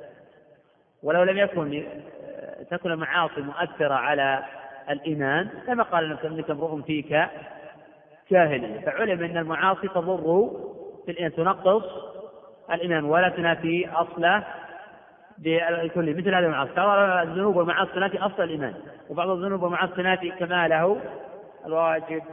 إذا هذا في دليل على الرجع على المرجع الذي يقولون بأنه يضر مع الإيمان ذنب. حتى يظهر تضر الذنوب الإيمان. الرد على الخوارج أنه لم يكفر بذلك. نعم. أنه لن يكفر بذلك. إخوانكم خوالكم يقول صلى الله عليه وسلم إخوانكم خوالكم إخوانكم بالرفع. خبر مقدم. خولكم بالرفع مبتدا مؤخر. فيكون تقدير الكلام خولكم إخوانكم. الخول الخدم. الخول الخدم. ويمكن أن يقال في الإعراب إخوانكم خبر لمبتدأ محذوف تقديره هم إخوانكم وخولكم بالرفع خبر لمبتدأ محذوف تقديره هم خولكم. أي هم إخوانكم هم خولكم. أي وإن كان أخوك تحت يدك وكان عبدا مملوكا لديك فيجب إكرامه واحترامه وتقديره ولا يحق لك أن تسخر منه أو أن تستهزئ به أو أن تسبه أو أن تعيره بأمه. فهذا من أمر الجاهلية. قوله صلى الله عليه وسلم جعلهم الله تحت أيديكم. الرق أصله من الكفر وقد يكون من السرقة. أصل أصل الرق قبل الإسلام. ينتج لأسباب. من السرقة بحيث أن القوي يسرق الضعيف من الضياع ومن الحروب التي تقع بينهم وغير ذلك. والرق بعد ظهور الإسلام أصله من الكفر. حيث يكون الرجل كافرا فيشترط ثم يسلم فيبقى رقيقا حتى يعتقه سيده أو يكاتب سيده. وقد يكون بعد الإسلام أيضا السرقة حيث يسرق ويباع فيبقى رقيقا. والإسلام يحث دائما على العتق ويتشوف الإسلام لذلك. ومن اعتق عبدا اعتق الله منه بكل عضو عضوا من النار. قوله تعالى الله تحت أيديكم يجعله الله عبيدا لكم وتحت قدرتكم وتحت تصرفكم فأكرموهم وأحسنوا إليهم ولا تسيئوا معاملتهم. لأن النبي صلى الله عليه وسلم يقول المسلم أخو المسلم. من روى؟ كيف؟ مسلم؟ نعم مسلم أخو مسلم. وجاء بمعنى أيضا في الصحيحين. وقال صلى الله عليه وسلم مثل المؤمنين في توادهم وتراحمهم وتعاطفهم كمثل الجسد الواحد. إذا اشتكى منه عضو تداعى له سائر الجسد بالحمى والسار. الحديث متفق عليه من حديث زكريا عن الشعبي عن النعمان ابن بشير. فقول صلى مثل المؤمنين في توادهم وتراحمهم وتعاطفهم كمثل الجسد الواحد؟ إذا كان أخوك تحت يدك فلا تكلفه ما لا يطيق ولا تظلمه. ولا تسيء إليه ولا تعيره. لأن هذا ينافي الأخوة الإيمانية. وقد قال صلى الله عليه وسلم المؤمن للمؤمن كالبنيان يشد بعضه بعضا. والحديث الصحيحين. قال صلى الله عليه وسلم موجها أبا ذر وغيره ممن كان أخوه تحت يده فمن كان أخوه تحت يده فليطعمه مما يأكل. لأن العبد يعمل بدون راتب باعتبار أنه مملوك للسيد. وأما من كان يعمل براتب فلا يجب أن تطعمه لأنه يستطيع أن يشتري بما تعطيه فيأكل مما تأكل ويشرب مما تشرب. إذا هذا الحديث وهذا الخطاب متوجه لمن كان أخوه تحت يده عبدا مملوكا من كان أخوه تحت يده عبدا أي عبدا مملوكا. أما إذا كان أخوه تحت يده يعمل عنده براتب شهري فلا ريب أنه يحرم عليه أن يؤذيه أو أن يسخر منه. ولكن يصير بينهما اتفاق مسبق حتى أن هذا يكون هذا هذا هو عمله وهذا هو راتبه. فلا ظلم حينئذ على العامل إذا شرط عليه قبل أن يعمل. وإذا شق عليه العمل فيما بعد فمن الأخوة الإيمانية يخفف عنه العمل ما لم يتضرر صاحب الشأن فحينئذ قد يقيله ويطلب غيره ولكن قد يخفف عنه العمل في بعض الأوقات كفي رمضان ونحو ذلك. قوله فليطعمه مما يأكل وليلبسه مما يلبس. وهذا هو الذي حدأ بأبي ذر إلى أن يلبس غلام حلة كما كان يلبس أبو ذر. ولا تكلفوهم ما يغلبهم أي ما يشق عليهم. ويعجزهم عن القيام به. فإن كلفتموهم ما يغلبهم أو ما يشق عليهم القيام به فأعينوهم. وهذا من التواضع تواضع لله رفعه. الشاهد من سياق الحديث للترجمة أن المعاصي من أمر الجاهلية وأن من قام في خصلة من خصال الجاهلية لا يكفر بها. إلا إذا كانت هذه الخصلة تنافي أصل الإيمان كالكفر والشرك. ما لم أيضا يمنع من ذلك مانع كالجهل أو التأويل أو الإكراه. فهذه موانع تمنع من التكفير. ومناسبة الترجمة لكتاب الإيمان أن من المعاصي ما لا يخرج عن الإسلام. ففي ذلك الرد على الخوارج. أجمل فوائد الحديث.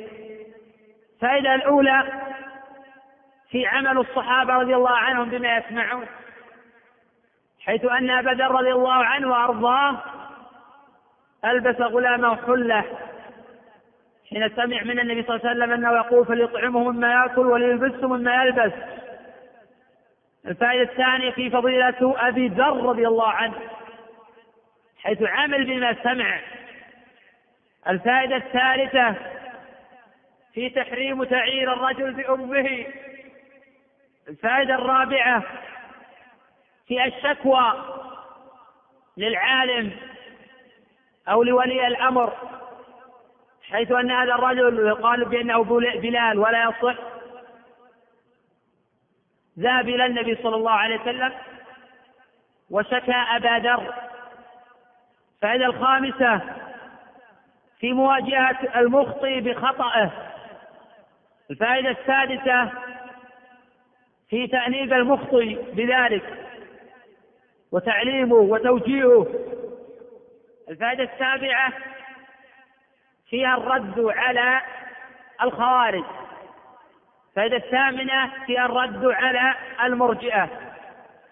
فائدة التاسعة فيها الرد على القدرية. الفائدة العاشرة فيها الرد على الجبرية. الفائدة الحادية عشرة فيها الرد على الرافضة وبيان فضائل الصحابة رضي الله عنهم. الفائدة الثالثة عشرة في أن المعاصي من أمر الجاهلية. الفائدة الثالثة عشرة في الحكم على العين. الفائدة الرابعة عشرة في وجوب الإحسان إلى العبيد والمملوكين. الفائدة الخامسة عشرة في أن الإيمان يزيد وينقص. وفي غير ذلك. وحديث الباب رواه مسلم من طريق محمد بن جعفر عن شعبة.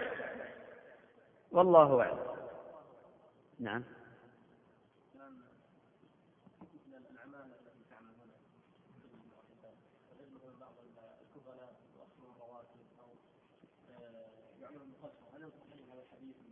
نعم ينطق عليهم الحديث ويشملهم غيره أيضا. فلا يحق للرجل إذا عمل عنده مسلم أن يسبه ولا أن يسخر منه. ولا يحق له أن يماطل في راتبه. فإن النبي صلى الله عليه وسلم يقول المسلمون عند شروطهم. علقه البخاري في صحيحه. وقد جاء من طريقين. طريقة ابن عبد الله وفي سند ضعف. من طريق آخر في أبي هريرة. وفي سند كلام ولا تصحح غير واحد. وعليه العمل عند أهل العلم. فإذا تأخر عن تسديد الراتب أو بدأ يسخر منه فإنه يأتم بذلك. إلا إذا رضي بتأخير الراتب العامل فلا بأس بذلك. أما إذا لم يرضى فلا يحق له أن يتأخر ولا يوما واحدا. ما لم يمنع من ذلك مانع خارج عن إرادته. أما السخرية منه أو السخرية من الآخرين فهذا محرم مطلقا. كذلك ذم الآخرين ومحاولة السخرية منهم بجنسياتهم فيقال هذا كذا وهذا كذا وهذا كذا هذا كله من السخرية من الآخرين. وهو قد يسخر منك كما تسخر منه. ويسخر منك في البلد كما تسخر منه في البلد. وما الذي فضلك عليه حتى تعير ببلده أو أن تسخر منه ببلده؟ هذا كله من خصال أهل الجاهلية. وفي أن المسلم قد يقع في بعض خصال الجاهلية وهذا كثير في الناس الآن يسخرون من حتى بعض الأخيار. يسخر من الآخرين بألوانهم يسخر من الآخرين بأنسابهم يسخر من الآخرين بجنسياتهم العرفية وغير ذلك. نعم. إذا قيل عن هذا المجتمع بأنه جاهلي فليس من الضروري يقصد القائل أن هذا مجتمع كفري. قد تغلب عليه شعائره الجاهلية فيطلق عليه بحيث العموم. وإطلاق العموم وإطلاق العموم على البعض أو الكل على البعض كثير في الكتاب وفي السنة في كلام العرب. وهذا أمر معروف. قال الله جل وعلا قاتل اليهود عزير بن الله وقاتل النصارى المسيح بن الله ولم يقل هذا القول كلهم. الذين قال لهم الناس ان الناس قد جمعوا لكم فكل الناس جمعوا لهم؟ لا. وهذا مشهور. إذا قال قائل بأن هذا مجتمع جاهلي فقد يقصد أحد أمرين. قد يقصد بأن هذا تغلب عليه شعائر الجاهلية. فينظر هل أصاب في ذلك أم لا. الأمر الثاني قد يقصد بأن هذا مجتمع جاهلي يقصد بأن الحاكم جاهلي قد يحكم بغير ما أنزل الله فيصدق عليه الحكم على لا بحيث أن المجتمع تسوسه احكام الجاهلية. فيصدق الحكم على الحاكم وباعتبار أن الشعب أرغب بذلك يصدق عليه انه مجتمع جاهلي ولا يلزم ذات الحكم على العين. هو يتكلم عن النوع. يتحدث عن النوع في مثل ذلك هذا لا حرج في ذلك. فبعض الناس يتكلم عن هذه القضية ويقول ليش يطلق على مجتمع جاهلي؟ ولا يفرق بين النوع ولا بين العين. هل أطلق هذا الحكم على العين؟ فهو يحاسب على قول إذا يطلق على العين على النوع فلا يحاسب على ذلك إذا آه، وصف هذا المجتمع بما يستحق المهم أن لا يبالغ والطرف الآخر لا أيضا آه، يفرط في تبرئة هذه المجتمعات من الجاهلية والأمر يسوس والحكم غير الله يسوس وفي ذلك شعائر الشرك ونحو ذلك. نعم.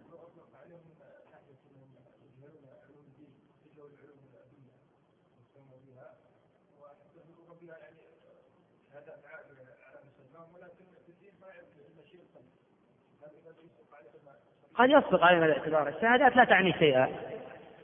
آه، كون الرجل يحمل شهادة دكتوراه أو يحمل شهادة ماجستير لا يعني أنه يبرأ من الجهل. قد يكون دكتورا وهو جاهل. وهذا الجهل قد يكون جهلا عاما وقد يكون الجهل نسبيا. وقد يجهل آه، ما جاءت به الرسل. ويعرف الأشياء البسيطة. قد يعرف أحكام الطهارة يعرف أحكام الصلاة وهو دكتور. ولكن يجهل ما جاءت بالرسل وهو يعكف على القبور. وقد عرف من يحمل بعض هذه الشهادات في بعض البلاد أنه ينادي غير الله وهو دكتور. ويعبد غير الله وهو دكتور. فلا يلزم من وجود هذه الشهادة آه، أن لا يتصل بصفات آه، أهل الجاهلية. المهم إذا أراد المطلق على الأوصاف أن نضع الألفاظ مواضعها بلا إفراط ولا تفريط.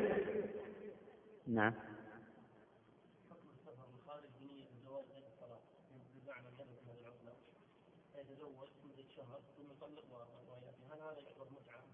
أجيبك عن سؤال بعد قليل. نتناول الأسئلة المتعلقة بالدرس ثم أتحدث عن الأسئلة الخارجية.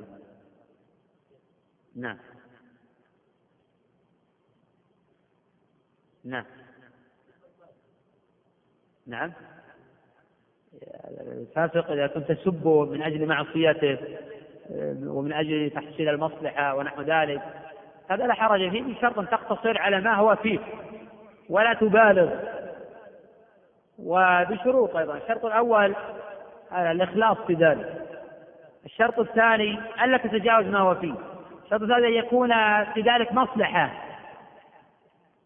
آه، الشرط الرابع ألا تكون المفسدة أكبر أو تضفي على المصلحة. توفرت هذه الشروط فلا بأس بذلك. أن تتكلم عنه بما هو فيه. أما كون تتجاوز ذلك حيث أنه فاسق في معصية تتجاوز غير هذه المعصية وتسب في معاصي أخرى أو في أشياء أخرى لا حقيقة لها في هذا الباب هذا غلط. كذلك يختلف من فاسق إلى فاسق. بعض الفساق يكون فسقه عليه بعض الفساق يكون فسقه متجاوزا للغير. هذا يحذر منه ومن شره لئلا يغتر به غيره. المقصود يراعي الإنسان في ذلك المصلحة. نعم ما هو سؤالك؟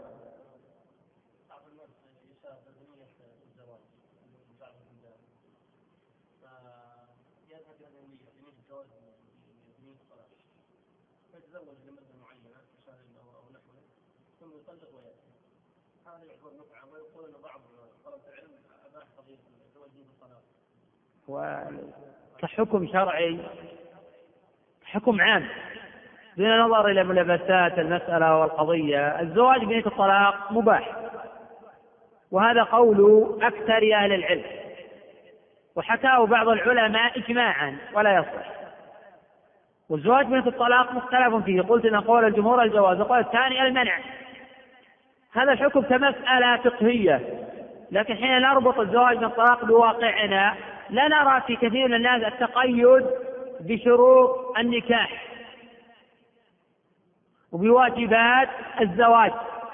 فإن المرء حين يتزوج بالطلاق سواء كان في بلده أو في غيره وهو قد تعجب المرأة ويريد بعد ذلك قد يكون يريد إمساكها ولا يريد ظلمها أو قد يكون في مجتمعنا إذا طلقها لا يكون ظلما لها.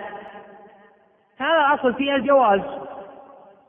أما كون الرجل يختفي بهذا الزواج ويعد العدة ويجمع ويجمع أمره على أن يذهب في العطل إلى بعض البلاد التي يكتب فيها هذا الزواج بثمن بخس. ويتزوج أي امرأة ولا يبالي عفيفة أو غير عفيفة. ويطلق بعد أسبوع أو أسبوعين. ولا يعتبرها زوجة لها حقوق الزوجات ولها عدة. بل المرأة قد لا تعترف بالعدة وقد تتزوج بعد أسبوع أو أسبوعين من الطلاق.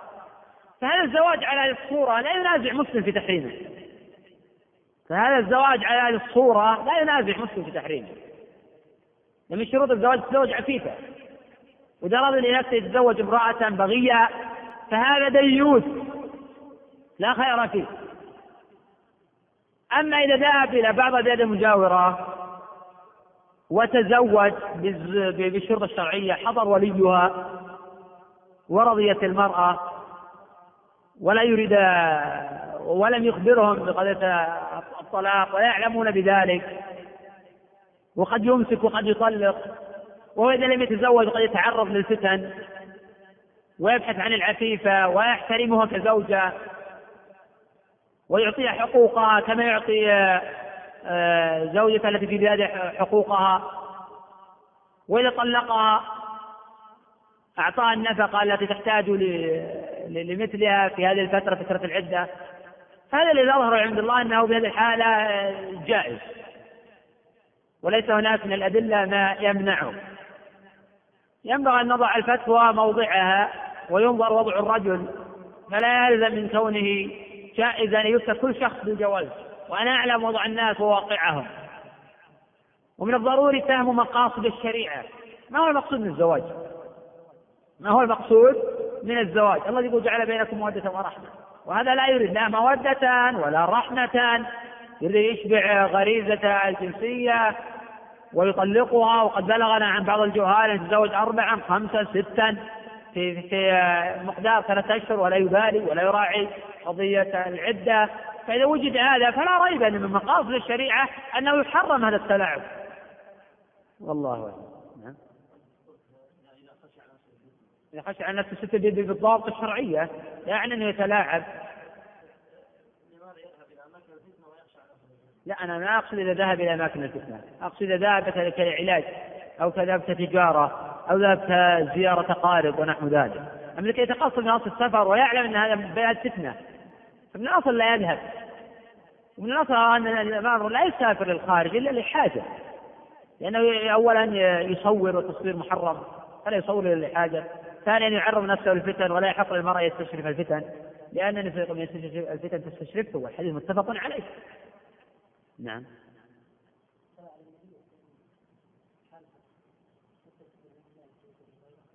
يصلي على النبي صلى الله عليه وسلم سرا ولكن ليس للخطيب ان يأمر المامومين يقول صلوا على النبي صلى الله عليه وسلم. هذا احداث في الدين ما ليس منه. نعم.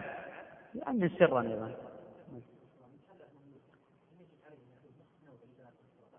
لا ما يلزم. اللي يلبس مما يلبس. يعني من جنس اللباس ليس معنى من من من نوعية وهيئة. إذا اشتريت أنا لباسا إذا اشتريت أنا لباسا بألفين أن أعطيها لباسا بألفين.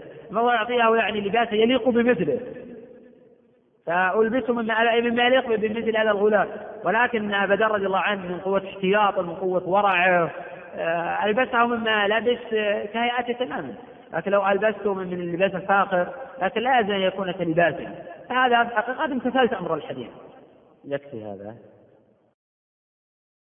بسم الله الرحمن الرحيم.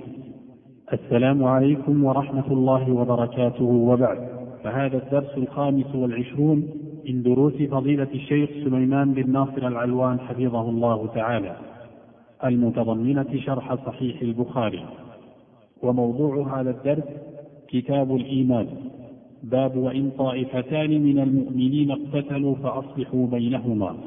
فسماهم المؤمنين الحديث الحادي والثلاثون. وكان إلقاء هذا الدرس في اليوم الثالث عشر من شهر ربيع الثاني من عام 1422 الحمد لله رب العالمين وصلى الله وسلم على عبده ورسوله نبينا محمد وعلى آله وصحبه أجمعين قال الإمام الحافظ أبو عبد الله محمد بن إسماعيل البخاري رحمه الله تعالى في صحيحه. باب وإن طائفتان من المؤمنين اقتتلوا فأصلحوا بينهما فسماهم المؤمنين. حدثنا عبد الرحمن بن المبارك قال حدثنا حماد بن زيد حدثنا أيوب ويونس عن الحسن عن الأحنف بن قيس قال ذهبت لأنصر هذا الرجل فلقيني أبو بكرة فقال أين تريد؟ قلت أنصر هذا الرجل. قال ارجع فإني سمعت رسول الله صلى الله عليه وسلم يقول إذا التقى المسلمان بسيفيهما فالقاتل والمقتول في النار. فقلت يا رسول الله هذا القاتل فما بال المقتول؟ قال إنه كان حريصا على قتل صاحبه. الحمد لله رب العالمين والصلاة والسلام على نبينا محمد وعلى آله وصحبه أجمعين. قال الإمام البخاري رحمه الله تعالى باب وإن طائفتان من المؤمنين اقتتلوا فأصلحوا بينهما.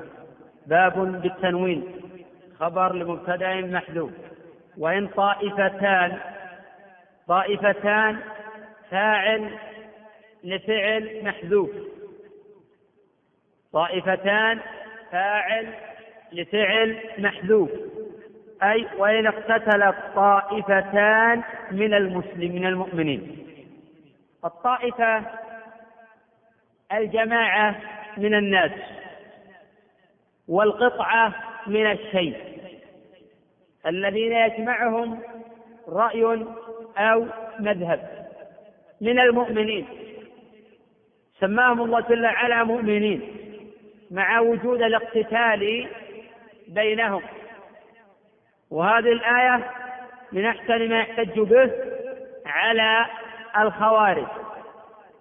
اقتتلوا فأصلحوا بينهما. ألف رابطة لجواب الشرط. ألف رابطة لجواب الشرط. فأصلحوا بينهما. هذا أمر. والأمر للوجوب. وقد قيل إن هذه الآية نزلت الاقتتال الذي جرى بين الأوس والخزرج. وجاء في الصحيحين من حديث أنس أنه قيل للنبي صلى الله عليه وسلم ائتي عبد الله ابن أبي. فركب النبي صلى الله عليه وسلم الحمار وتبعه أصحابه وكانت الأرض سبخة.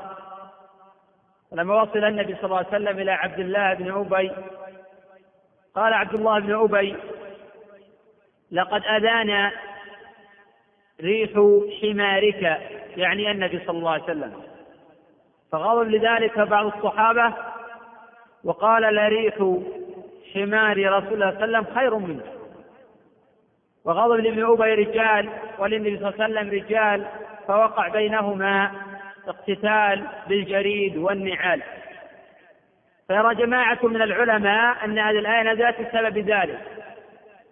كما جاء هذا في الصحيحين. فنرى أن هذه الآية نزلت في ذلك. وقيل غير ذلك من الأقوال. فإن قيل إذا كانت هذه الآية نزلت فيما جرى وعبد الله بن أبي رأس النفاق كيف سماه الله جل وعلا مؤمنا؟ فمن يجيب؟ هذا أخذ العزيز؟ لكن ليس هذا الجواب. يريد الجواب يعني إذا قال أحد استشكل. قال لنا نحن نعرف أن عبد الله بن أبي رأس في النفاق وهو في الدرك الأسفل من النار.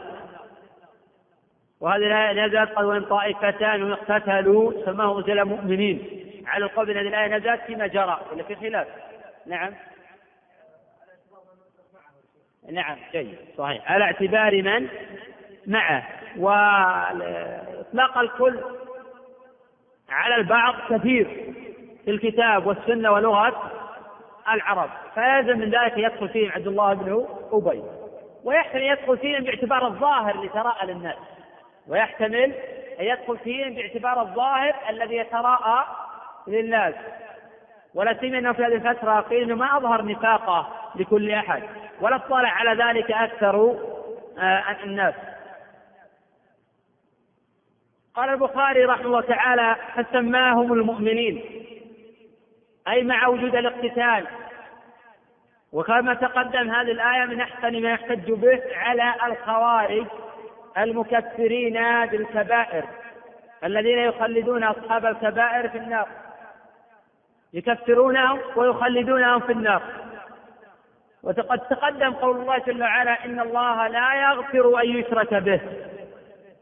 فجعل الله جل وعلا ما دون الشرك. إن الله لا يغفر به ويغفر ما دون ذلك لمن يشاء. فجعل الله جل وعلا ما دون الشرك معلقا بمشيئته. فليس هو بكافر كما تقوله الخوارج. وقال تعالى وكره إليكم الكفر والفسوق والعصيان. فقد فرق الله جل وعلا بين الكفر والفسوق والعصيان وجعلها ثلاث مراتب. الأولى الكفر الثانية الفسوق. فهو فاسق وليس بكافر. الثالثة العصيان وهي أقل مرتبة من الفسق فهو عاصي وليس بفاسق. وقد جاء في بعض نسخ البخاري إدخال هذه الترجمة مع التي قبلها. باب المعاصي من أمر الجاهلية ولا يكفر صاحبها بارتكابها إلا بالشرك. وجاء في بعض النسخ فصل هذه الترجمة عما قبلها ولكل وجهه قال الإمام البخاري رحمه الله تعالى حدثنا عبد الرحمن بن المبارك أي ابن عبد الله العيشي الطفاوي. وثقه ابن معين وغيره. مات سنة ثمان وعشرين ومائتين وقيل سنة تسع وعشرين ومائتين. قال حدثنا حماد بن زيد. حماد بن زيد بن درهم الأزدي البصري مولى آل كرير بن حازم. ثقة ثبت حجة كثير الحديث. ولد سنة ثمان وتسعين. قال الإمام ابن مهدي رحمه الله أئمة الناس في زمانهم أربعة. سفيان الثوري في الكوفة ومالك بالحجاز والأوزاعي بالشام وحماد بن زيد بالبصرة مات سنة تسع وسبعين ومائة روى له الجماعة. قال حدثنا أيوب أيوب السختياني وقد سبق الحديث عنه وأنه ولد سنة ست وستين وأنه ولد سنة ست وستين وقيل سنة ثمان وستين. قال أبو حاتم رحمه الله تعالى ثقة لا يسأل عن مثله. خرج له الجماعة ومات سنة إحدى وثلاثين ومائة ويونس قال حماد حدثنا أيوب ويونس. يونس هذا هو ابن عبيد بن دينار البصري ثقة. خرج له الجماعة ومات سنة تسع وثلاثين ومائة عن الحسن. الحسن هذا هو الإمام. حسن بن أبي الحسن البصري. مولى زيد بن ثابت. ولد لسنتين بقيتا من خلافة أمير المؤمنين عمر رضي الله عنه. أي قبل مقتل أمير المؤمنين عمر رضي الله عنه بسنتين. متى قتل عمر؟ سنة 25 و 27 اختار هذا ولا هذا ولا هذا؟ كم؟ قتل عمر رضي الله عنه. 23 صحيح. نعم صدق يعني إذا ولد الحسن سنة 21 أدرك الحسن رحمه الله تعالى جمعا من أصحاب رسول الله صلى الله عليه وسلم. وسمع من سمرة حديث العقيقة. ومن أبي بكر حديث الكسوف وحديث إن ابني هذا سيد. وجاء ما يفيد. سماع الحسن من عثمان رضي الله عنه. وجاء ما يفيد سماع الحسن من عثمان رضي الله عنه. ولم يسمع من عمر ولا من علي. ولا من أبي هريرة. ورواية عن هؤلاء منقطعة.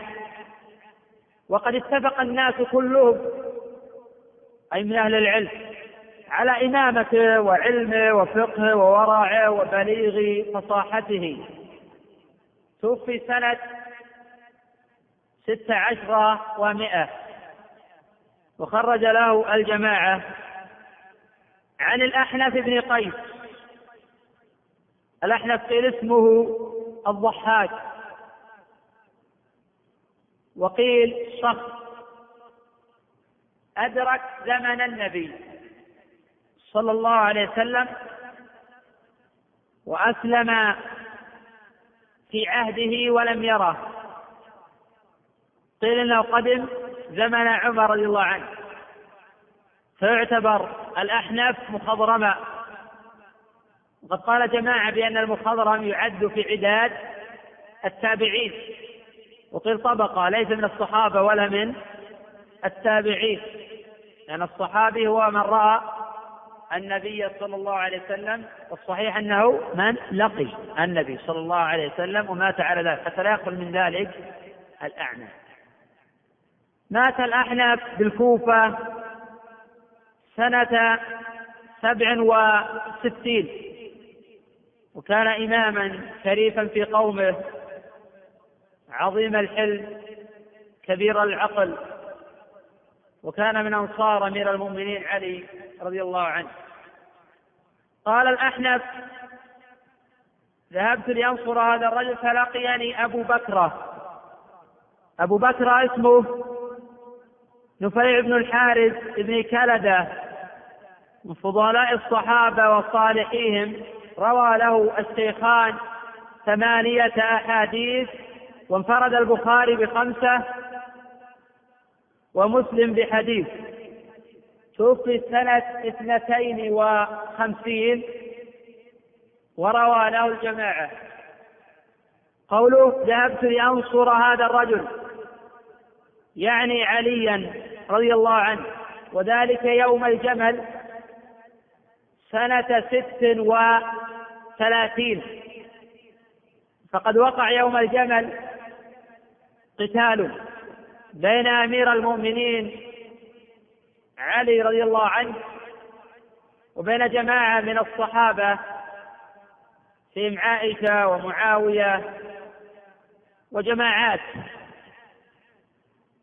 وكان الخليفة آنذاك علي بن أبي طالب رضي الله عنه باتفاق أكابر المهاجرين والأنصار. وهو أفضل الناس آنذاك ومن أعلمهم وأتقاهم لربهم جل وعلا. فنصب خليفة للمسلمين بعد مقتل قتل أمير المؤمنين عثمان رضي الله عنه. فحين تولى طالبه أناس بقتلة عثمان ولم يكن أمير المؤمنين علي رضي الله عنه يعرفهم وحاشاه أن يعرفهم فيتستر عليهم. فذاك وقع تأويل من طائفة من الصحابة يطالبون بقتلة عثمان ووقعت مقتلة بين أمير المؤمنين علي رضي الله عنه وبين بعض الصحابة عن تأويل وعن اجتهاد. لكن الذي نعتقده وندين الله به أن الحق مع علي رضي الله عنه. وهذا باتفاق أهل السنة والجماعة. وهذا الذي دل عليه الكتاب والسنة وإجماع أهل السنة. قال الله جل وعلا فقاتل التي تبغي حتى تفيء إلى أمر الله. وقد قال النبي صلى الله عليه وسلم وحي عمار تقتله الفئة الباغية وقد قتل يوم صفين. قتل مع علي فعلم من الحق مع علي رضي الله عنه. وهذا لا إشكال فيه. لكن وقع الخلاف. أيهما أفضل القتال أم ترك القتال؟ هنا وقع خلاف بين أهل العلم وبين أهل السنة. منهم من قال كان الأولى بعلي رضي الله عنه أن لا يقاتل. ومنهم من قال هؤلاء يحتج طبعا بأحاديث الفتنة. حين وقعت الفتنة. قال الأولى لعلي أن يقاتل حينئذ الأولى ألا يدخل الإنسان معه في قتال لأن الأفضل في أوقات الفتن لزوم البيوت وعدم الخوض فيها.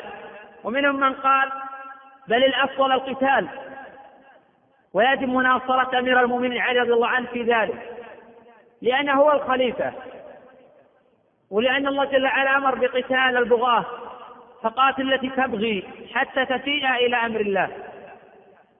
ولأنه لو لم يقاتل علي رضي الله عنه لشاء كل أحد أن يطالب بدم فلان والآخر ولا يكون لأمير المؤمنين هيبة ولا يكون له قدر. ويكون الأمر فلتة وهذا ظاهر القرآن. ويعتذر عمن لم يقاتل بالتأويل وهم أهل علم وأهل اجتهاد والصحابة رضي الله عنهم أجمعين. لأن في جماعة الصحابة اعتزلوا الفتنة واعتزلوا القتال مطلقا. لكن هؤلاء لم يتخلفوا عن بيعة علي رضي الله عنه. لأني رأيت لبعض الناس خلطا بين البيعة وبين القتال فجعل بينهما تلازما وأن هؤلاء اللي اعتزلوا القتال مع علي لم يبايعوه أصلا وهذا خلط عجيب. الذي اعتزل القتال كانوا مبايعين لعلي رضي الله عنه. لكن يرون أن هذه فتنة ولم يظهر لهم وجهها فاعتزلوا. في قول ثالث في المسألة لابن تيمية رحمه الله. في قول ثالث في المسألة لشيخ الإسلام رحمه الله.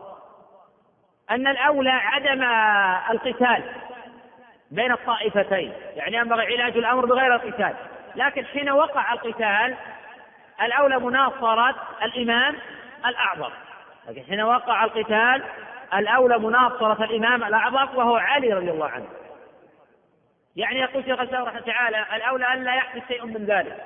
يمكن علاج الأمور بالسلم وبالمحادثة ولكن حين وقع القتال والتحم الجيشان فمناصرة أمير المؤمنين علي رضي الله عنه فرض لأنه هو الإمام ولأنه أفضل الصحابة ولعله أعلمهم في وقته.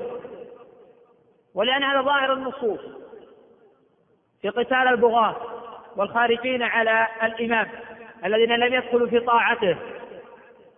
فإن قيل فإن قيل كيف جرى بينهم هذا وهم صحابة فالجواب من تأمل في الأحاديث الصحيحة علم علم اليقين أن هذا واقع عن اجتهاد وعن تأويل.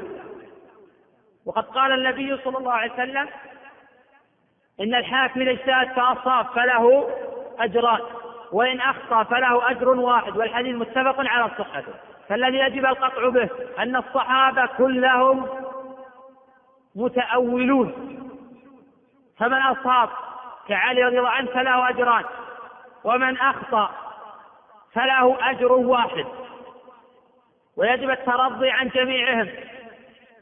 ومن تحدث عن هذه القضية يجب عليه يتحدث عنها بعلم وعدل لأن الواقع في كثير من التواريخ وفي كثير من السير ظلم وعدوان.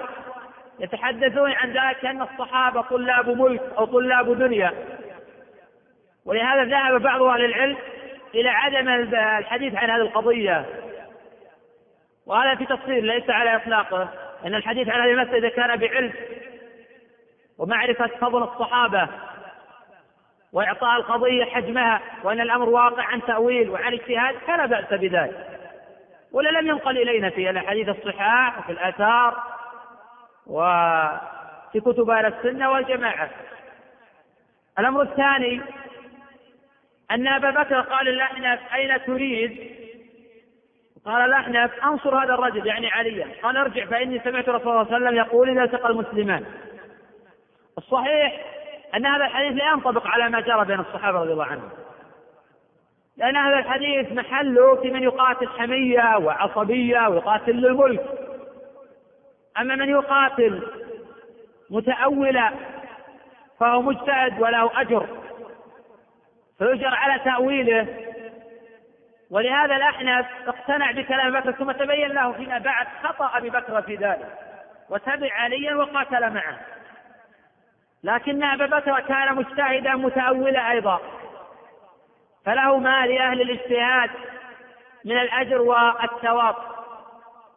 قال أبو بكر سمعت رسول الله صلى الله عليه وسلم يقول إذا التقى المسلمان قول إذا التقى مسلمان سماهما مسلمين. مع التوعد بالنار على القاتل والمقتول. ففي هذا أبلغ رد على الخوارج. ففي هذا أبلغ رد على الخوارج الذين يكفرون بالكبائر. فإن النبي صلى الله عليه وسلم سمى القاتل والمقتول مسلمين. وهذا محمول عند العلماء. إذا التقوا في شيء القاتل والمقتول في النار محمول على غير التأويل السائغ. والذي يجب القطع به أن ما جرى يوم الجمل ويوم الصفين كله عن تأويل وعن اجتهاد وهذا واضح جدا لمن تأمل في الأحاديث الصحيحة وفي الثابت عنهم.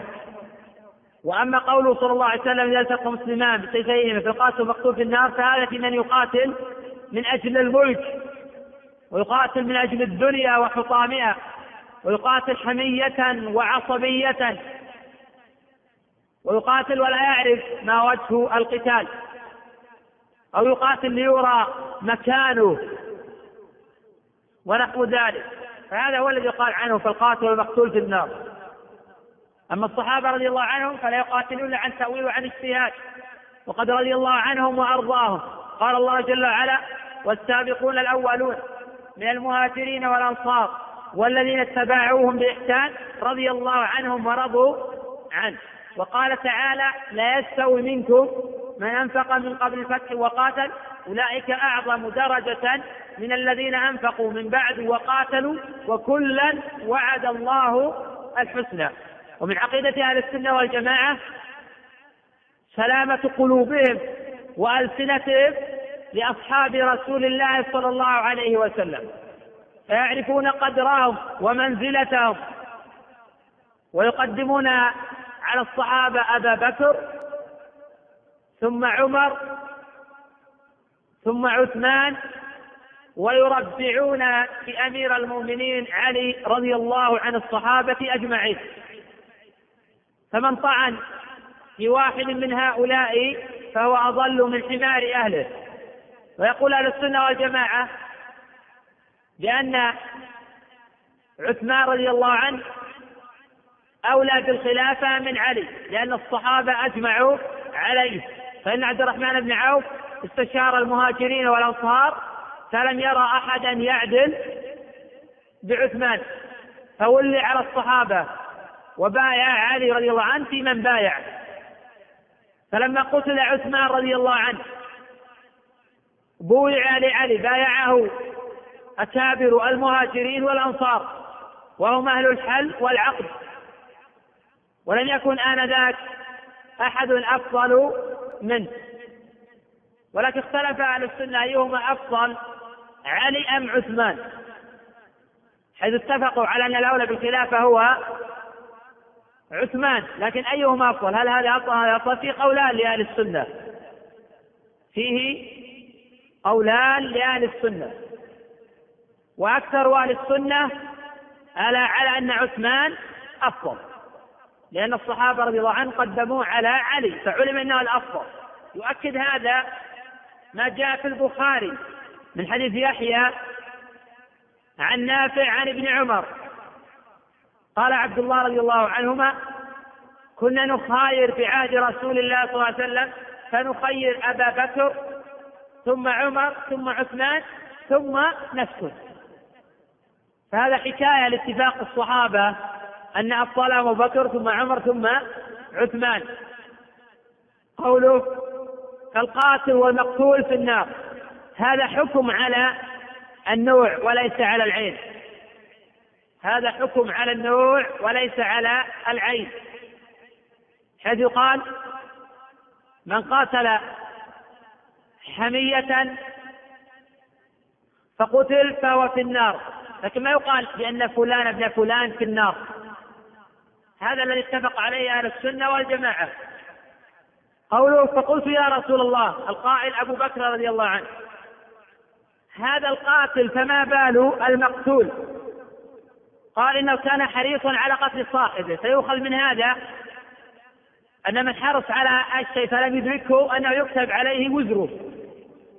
لأن هذا الرجل حين قاتل فقتل قبل يدرك مراده أتم بهذا الفعل. ويؤخذ من الحديث عظيم أمر القتال من أجل الدنيا وحطامها.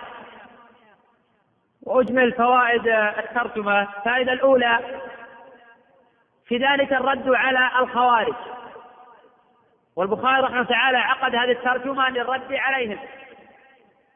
وقد اختلف العلماء رحمهم الله تعالى في حكم الخوارج. فذهب أكثر أهل العلم إلى أنهم فسقة ولا يكفرون.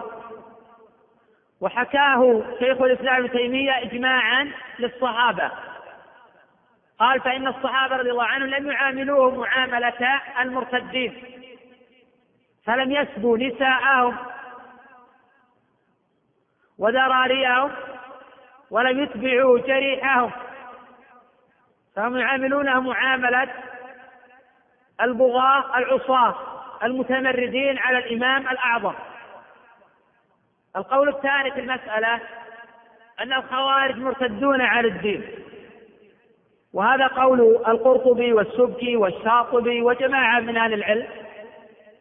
لقوله صلى الله عليه وسلم يمرقون من الإسلام كما يمرق السهم من الرمية. وهذا الحديث متواتر عن رسول الله صلى الله عليه وسلم. لكن قد يجاب عن هذا فيقال إن الصحابة الذين رووا هذا الحديث أفهم له ممن جاء بعدهم فلم يكفروه. ومن الأدلة أيضا على كفرهم على هذا الرأي أنهم يكفرون الصحابة ومن كفر الصحابة فهو كافر. في قول ثالث التفريق بين الذين في عهد الصحابة وبين من جاء بعدهم. فعذروا الأوائل من أجل التأويل ولم يعذروا من جاء بعدهم لأن لا تأويل له ولا شبهة. في قول الرابع لبعض المتأخرين التفريق بين غلاتهم وغيرهم. فالغلاة كفار وغير الغلاة غير كفار. باعتبار من قال بأن صاحب كبيرة في النار هذا لا يكفر. لكن من صد الصحابة أو كفر الصحابة فإنه مرتد عن الدين. وعلى كل فالخوارج أهل ضلال وانحراف أمر النبي صلى الله عليه وسلم بقتالهم وجعل لمن قتلهم أجرا عظيما وثوابا كبيرا.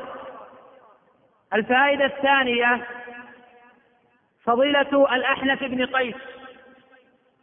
حيث امتثل قوله صلى الله عليه وسلم صور أخاك ظالما أو مظلوما. الفائدة الثالثة الرد على المرجئة الذين يقول لا يضر مع الإيمان ذنب. بقي الحديث عن حكم المرجئة.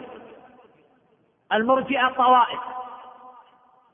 فمن قال بأن الإمام قوله واعتقاد ولا يدخل الأعمال في مسمى الإيمان هذا لا يكفر ولكنه ضال.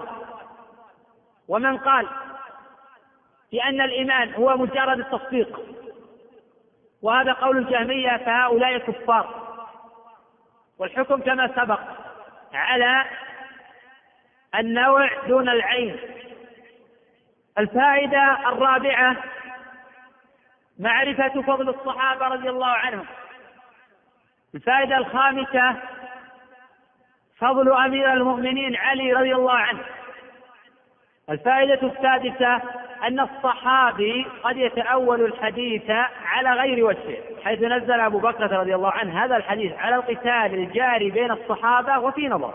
فإن الحديث محمول على القتال عصبية أو حمية أو من أجل الملك والدنيا. وأما القتال الجاري بين الصحابة رضي الله عنهم فإنه عن تأويل واجتهاد. فللمصيب أجران وللمخطئ أجر واحد.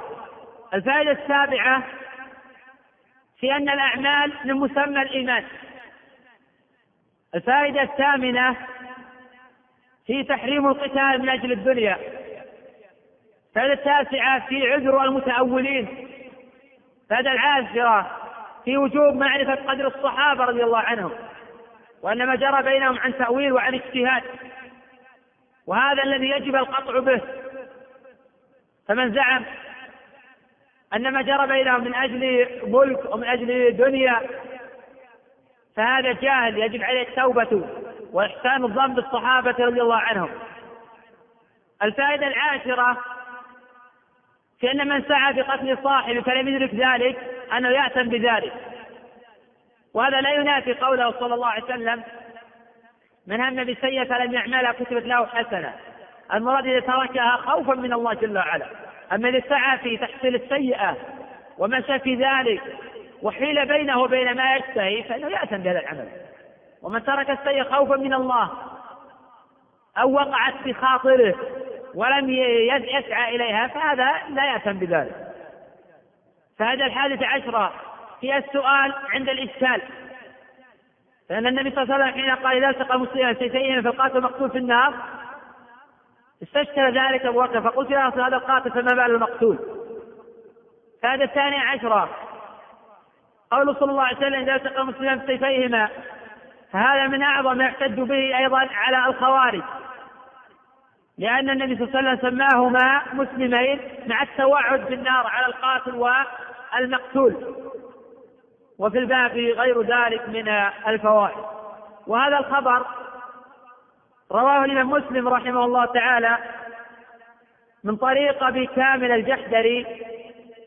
قال حدثنا حماد بن زيد. هذا الخبر رواه مسلم من طريق أو من حديث أبي كامل الجحدري. قال حدثنا حماد بن زيد. ورواه البخاري أيضا في كتاب الفتن من رواية عبد الله ابن عبد الوهاب قال حدثنا حماد بن زيد عن رجل لم يسمه عن الحسن البصري. قال خرجت بسلاحي ليالي الفتنة فاستقبلني أبو بكر. فذكر الحديث بطوله قال حماد فذكرت هذا الحديث لأيوب ويونس وأنا أريد أن يحدثاني به. فقال إنما روى هذا الحديث الحسن عن الأحنف. وهذا هو المحفوظ. فمن ذكره عن الحسن عن أبي بكر فقد غلط. صواب الحديث الحسن عن الأحنف عن أبي بكر. وهذا لا يعني بأن الحسن لم يسمع من أبي بكر. فقد سمع منه حديث الكسوف سمع منه حديث إن ابني هذا سيد وسوف يصلح الله به بين فئتين عظيمتين من المؤمنين أو المسلمين. يكفي هذا. نعم.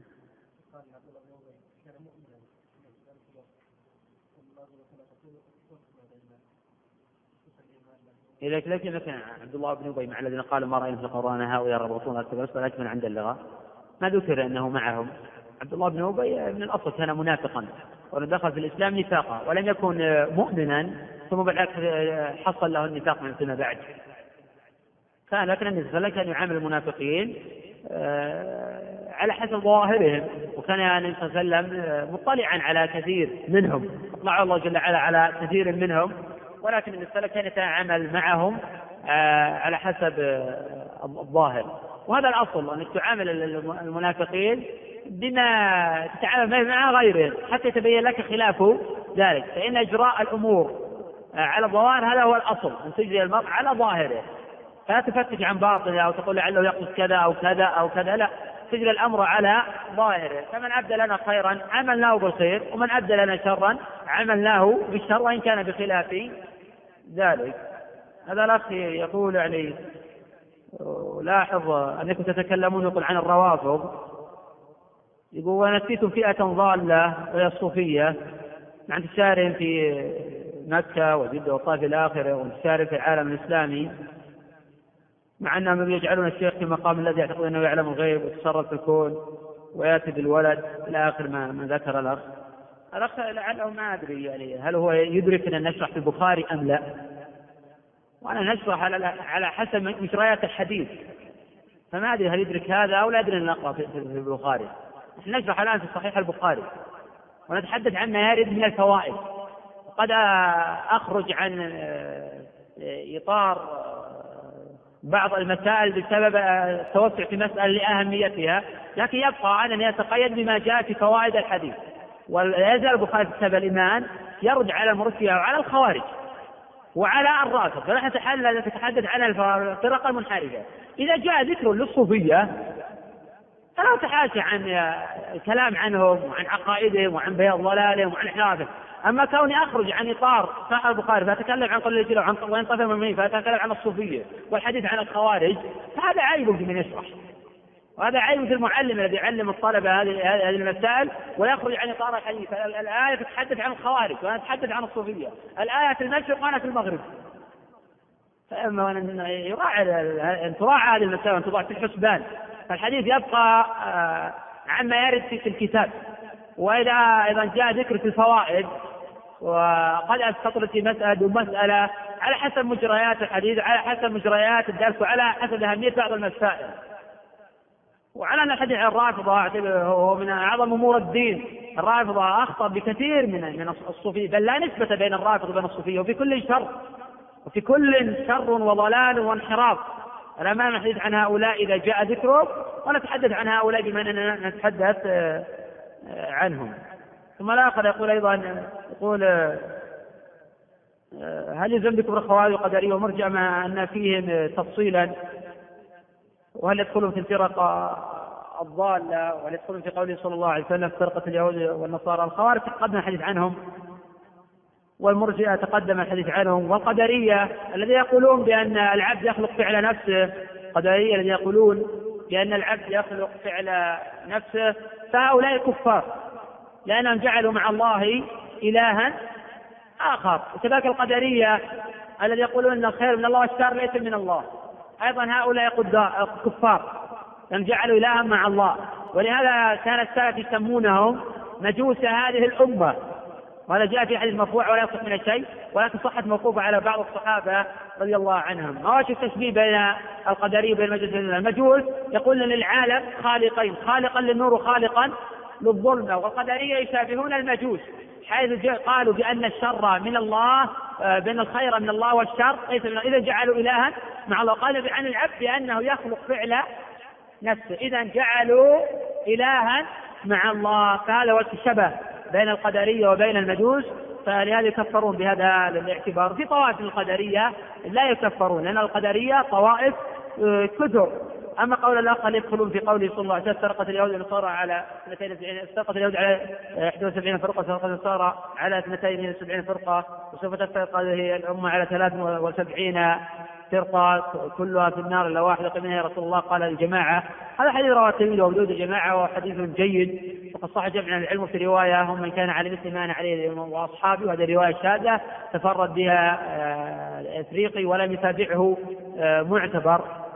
لا ريب أن هذه الطوائف داخلة في ذلك وكل من خالفت أصوله أصول أهل السنة والجماعة فليدخل في قوله صلى الله عليه وسلم وسوف تفترق الأمة على 73 فرقة وإن كان بعض أهل العلم يتوقف عن الحكم على الفرقة بأنها من كذا ومن كذا ولكن جزم غير واحد من العلم بأن من خالف أصول أصول أهل السنة والجماعة فإنه يصنف ضمن الثلاث سبعين فرقة المنحرفة. نعم.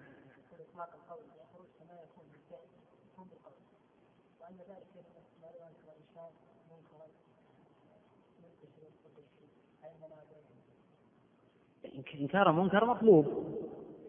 وإذا أنكر الإنسان منكرا لا يسمى خارجيا. ولو أخطأ في إنكاره. الحمل على ذلك الغيرة. من عظم شعائر الله فإن من تقوى آه، القلوب. فكونه طالب العلم ينكر منكرا على الوالي أو على غيره فلا يصح وصفه بأنه خارج. حتى ولو أخطأ في طريقة الإنكار فيبقى أنه مجتهد. وقد تقدم الحديث عن قضية إن من وقع في خصم من الخوارج هل يسمى خارجيا؟ صاب لا. ولا يصح وصفه. قال في خصم من الخوارج يعني ما أرى أن هذا الفعل أصلا من خصال الخوارج اذا انكر منكرا. الأخ يقول هل يجوز أن تسمى الفئة الأخرى المقابله لجيش علي رضي الله عنه بالبغاه أم انه مسمى آخر؟ نقول إن ظاهر القرآن هذا فقاتل التي تبغي. سماهم الله جل وعلا؟ بغاة. وين سماهم بغاة؟ قال تقتل عمارا الفئة الباغية. أن سماهم بغاة. ولكن لا يلزم من الحكم على النوع أن نحكم على العين. وهذه القضية أنا أكررها دائما في الدروس والكلمات وأسئلة الأخوة ومع ذلك يتكرر السؤال عنها. إذا قيل بأن هذه الفئة باغية لا يلزم أن نصف معاوية بأنه باغي نقول عن معاوية بأنه باغي بهذا اللفظ. أو نقول عن عائشة بأنها باغية حتى من ذلك. فهم عن تأويل عن اجتهاد. فالحكم إذا على النوع ليس على العين. نحكم على الفئة. هذه الفئة فيهم تابعين فيهم جملة من التابعين وفيهم جملة من فعلا من من البغاة المنحرفين. لكن ليسوا من الصحابة رضي الله عنهم أبدا. ليسوا من الصحابة أبدا. حين نقول عن الفئة بأن باغية. الله اللي سماهم بغاة. ولم نسميهم نحن بغاة. والنبي صلى الله عليه وسلم سماهم بغاة. قال تقتل عمارا الفئة الباغية. وهذا من أصح الأحاديث عن رسول الله صلى الله عليه وسلم. ولكن لا يصح أن نقول عن أعيانهم بأنهم بغاة. هذا ضلال وانحراف فأهل السنة يتكلمون على النوع ولا يتحدثون عن العين. وقد حكى شيخ الإسلام اتفاق أهل السنة على التفريق بين النوع وبين العين. حينئذ يزول الاشكال ولا يرد علينا أي اشكال في هذه القضية. وحينئذ نعرف قدر الصحابة ونعرف فضله ونعرف إمامته ونعرف مكانته وأن ما وقع منهم عن اجتهاد وعن تأويل وأن المخطئ منهم له أجر لأنه متأول. كما قال صلى الله عليه وسلم إذا اجتهد الحاكم فأصاب فله أجران وإن أخطأ فله أجر واحد. نعم. أما الذين قاتلوا مع علي رضي الله عنه يوم الجمل فهم كثر. في جماعات اعتزلوا القتال كابن عمر وجماعة من الصحابة ولكن تقدم أن هؤلاء اعتزلوا القتال تأولوا الأحاديث آه، العامة ولم ينازعوا في البيعة. لم ينازعوا لكن تأول الأحاديث العامة بأن القاعد خير من آه، الماشي وتأول الأحاديث الواردة في آه، ذلك. وتأول هذه الفتنة وقعت فيما بينهم ينتظرون بعد ذلك أن تتمخض عن شيء معين فينقادون يعني لأمر ما. ولا على كل تقدم أن بعض أهل العلم فصل في هذه القضية. منهم من قال يعني إن الذي اعتزلوا أفضل. ومنهم من قال بأن الذي قاتل معالي أفضل.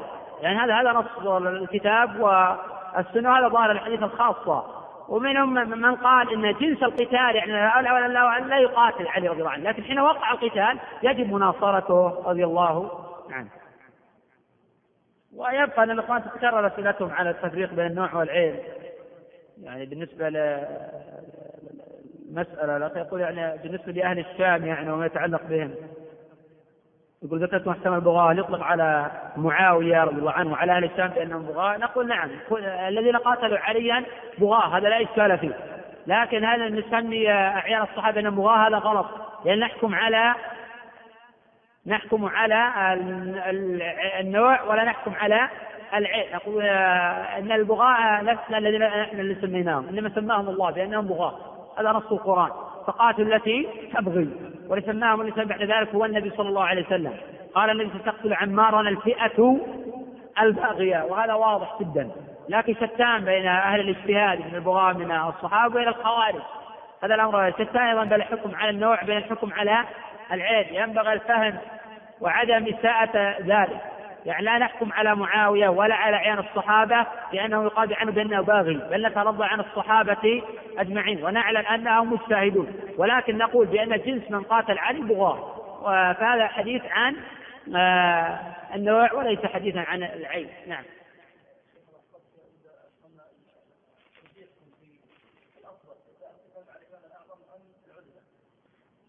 الترجيح الصحيح القتال مع علي رضي الله عنه. يعني من قاتل مع علي هو أصح ممن اعتزل وهو أصح أيضا من قاتل مع الطرف الآخر. لأنه كيف يقال لا يقاتل مع علي؟ يترك أمير المؤمنين رضي الله عنه. حين يكون في فلسفة الأمور هو الإمام الأعظم والذي يجمع عليه أهل الحل والعقد والاتفق عليها سابر المهاجرين والأنصار كيف يترك ولا يقاتل معه؟ حينئذ إذا ذهب خلافته وقتل رضي الله عنه يصير الأمر ثالثة حين لا يخرج إمام على آخر إلا ترك وأن هذا يعتبر يعني مخالفا لظاهر القرآن. الله يقول فقاتلوا ونحن لا نقاتل. الله يقول فقاتل تبغي حتى تفيء إلى أمر الله. وهذا واضح. ولذلك عائشة رضي الله عنها لما وصلت آه، مكانا ما اعتزلت آه، القتال وتركت القتال وندمت رضي الله عنها عن القتال. وكان بعض الصحابة توقف عن القتال مع علي وندم بعد ذلك. وتمنى انه قاتل مع علي. حذيفة رضي الله عنه هو متخصص بالفتن. حذيفه هو متخصص برواية حديث الفتن ومع ذلك ورد عنه بالاسانيد القوية عند البزار وغيره أنه كان يحث الصحابة على القتال مع علي وهذا واضح جدا من هدي الصحابة رضي الله عنهم. نعم. نعم. ينظر في القتال هل القتال أجل حميه وعصبية؟ أنا أتحدث عن القتال إذا كان من أجل الدين. أما إذا كان القتال إذا كان القتال من أجل الملك ومن أجل المنصب فلا أقاتل مع الإمام الاعظم انه يقاتل لدنيا وحطامها وهذا غلط. فمن تيقن أن هذا الإمام يقاتل من أجل دنيا ومن أجل عصبيه وحمية فلا يجوز القتال معه. أصلا القاتل المقتول في النار كما تقدم. الاحناف ندم على ذلك. الاحناف اخذ بداية برأي أبي بكر. لأن أبي بكر احتج عليه بالحديث وأبو بكر ظن الحديث الحديث ينطبق على ما جرى بين علي وبين غيره. فذلك اعتزل الأحنف الفتنة؟ بعد ذلك تبين للأحنف آه أنه من الضروري مناصرة علي تبين الأحاديث الأخرى. هذا حديث عام. وينزل هذا على المتأولين آه، على الذين يقاتلون الملك والمنصب. وأما الذي يقاتل من أجل التأويل ونحو ذلك فهذا لا ينزل عليه الحديث. فبين الاحناف انه أخطأ لابو بكر في فهمه وأن يجب المناصرة عليه. فقاتل مع علي فيما بعد. وأبو بكر رضي الله عنه نزل الحديث على ما جرى في علي في نظر. نعم.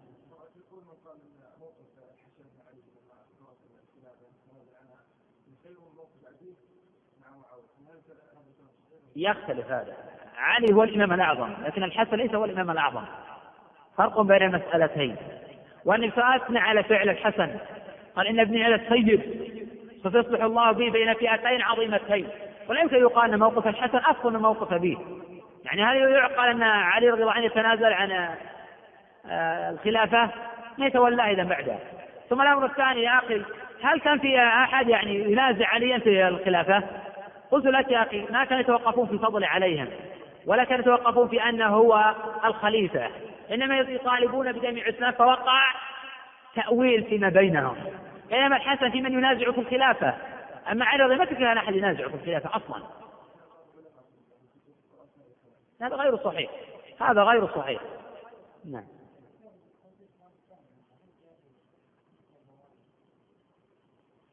ليس قتال بغاء لماذا؟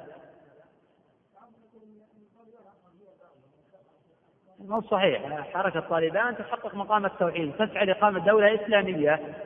بخلاف من قاتل كأحمد شاه مسعود هؤلاء هم البغاة. هؤلاء هم البغاة لأنهم ما يلوحظ عليهم نصرة لهذا الدين ولا قيام على عباد القبور ولا قيام على عباد الأوثان. ثم هم الآن يستنجدون بالأمريكان والدول الغربية والكفرة الفجرة. دولة الرفض إيران ونحو ذلك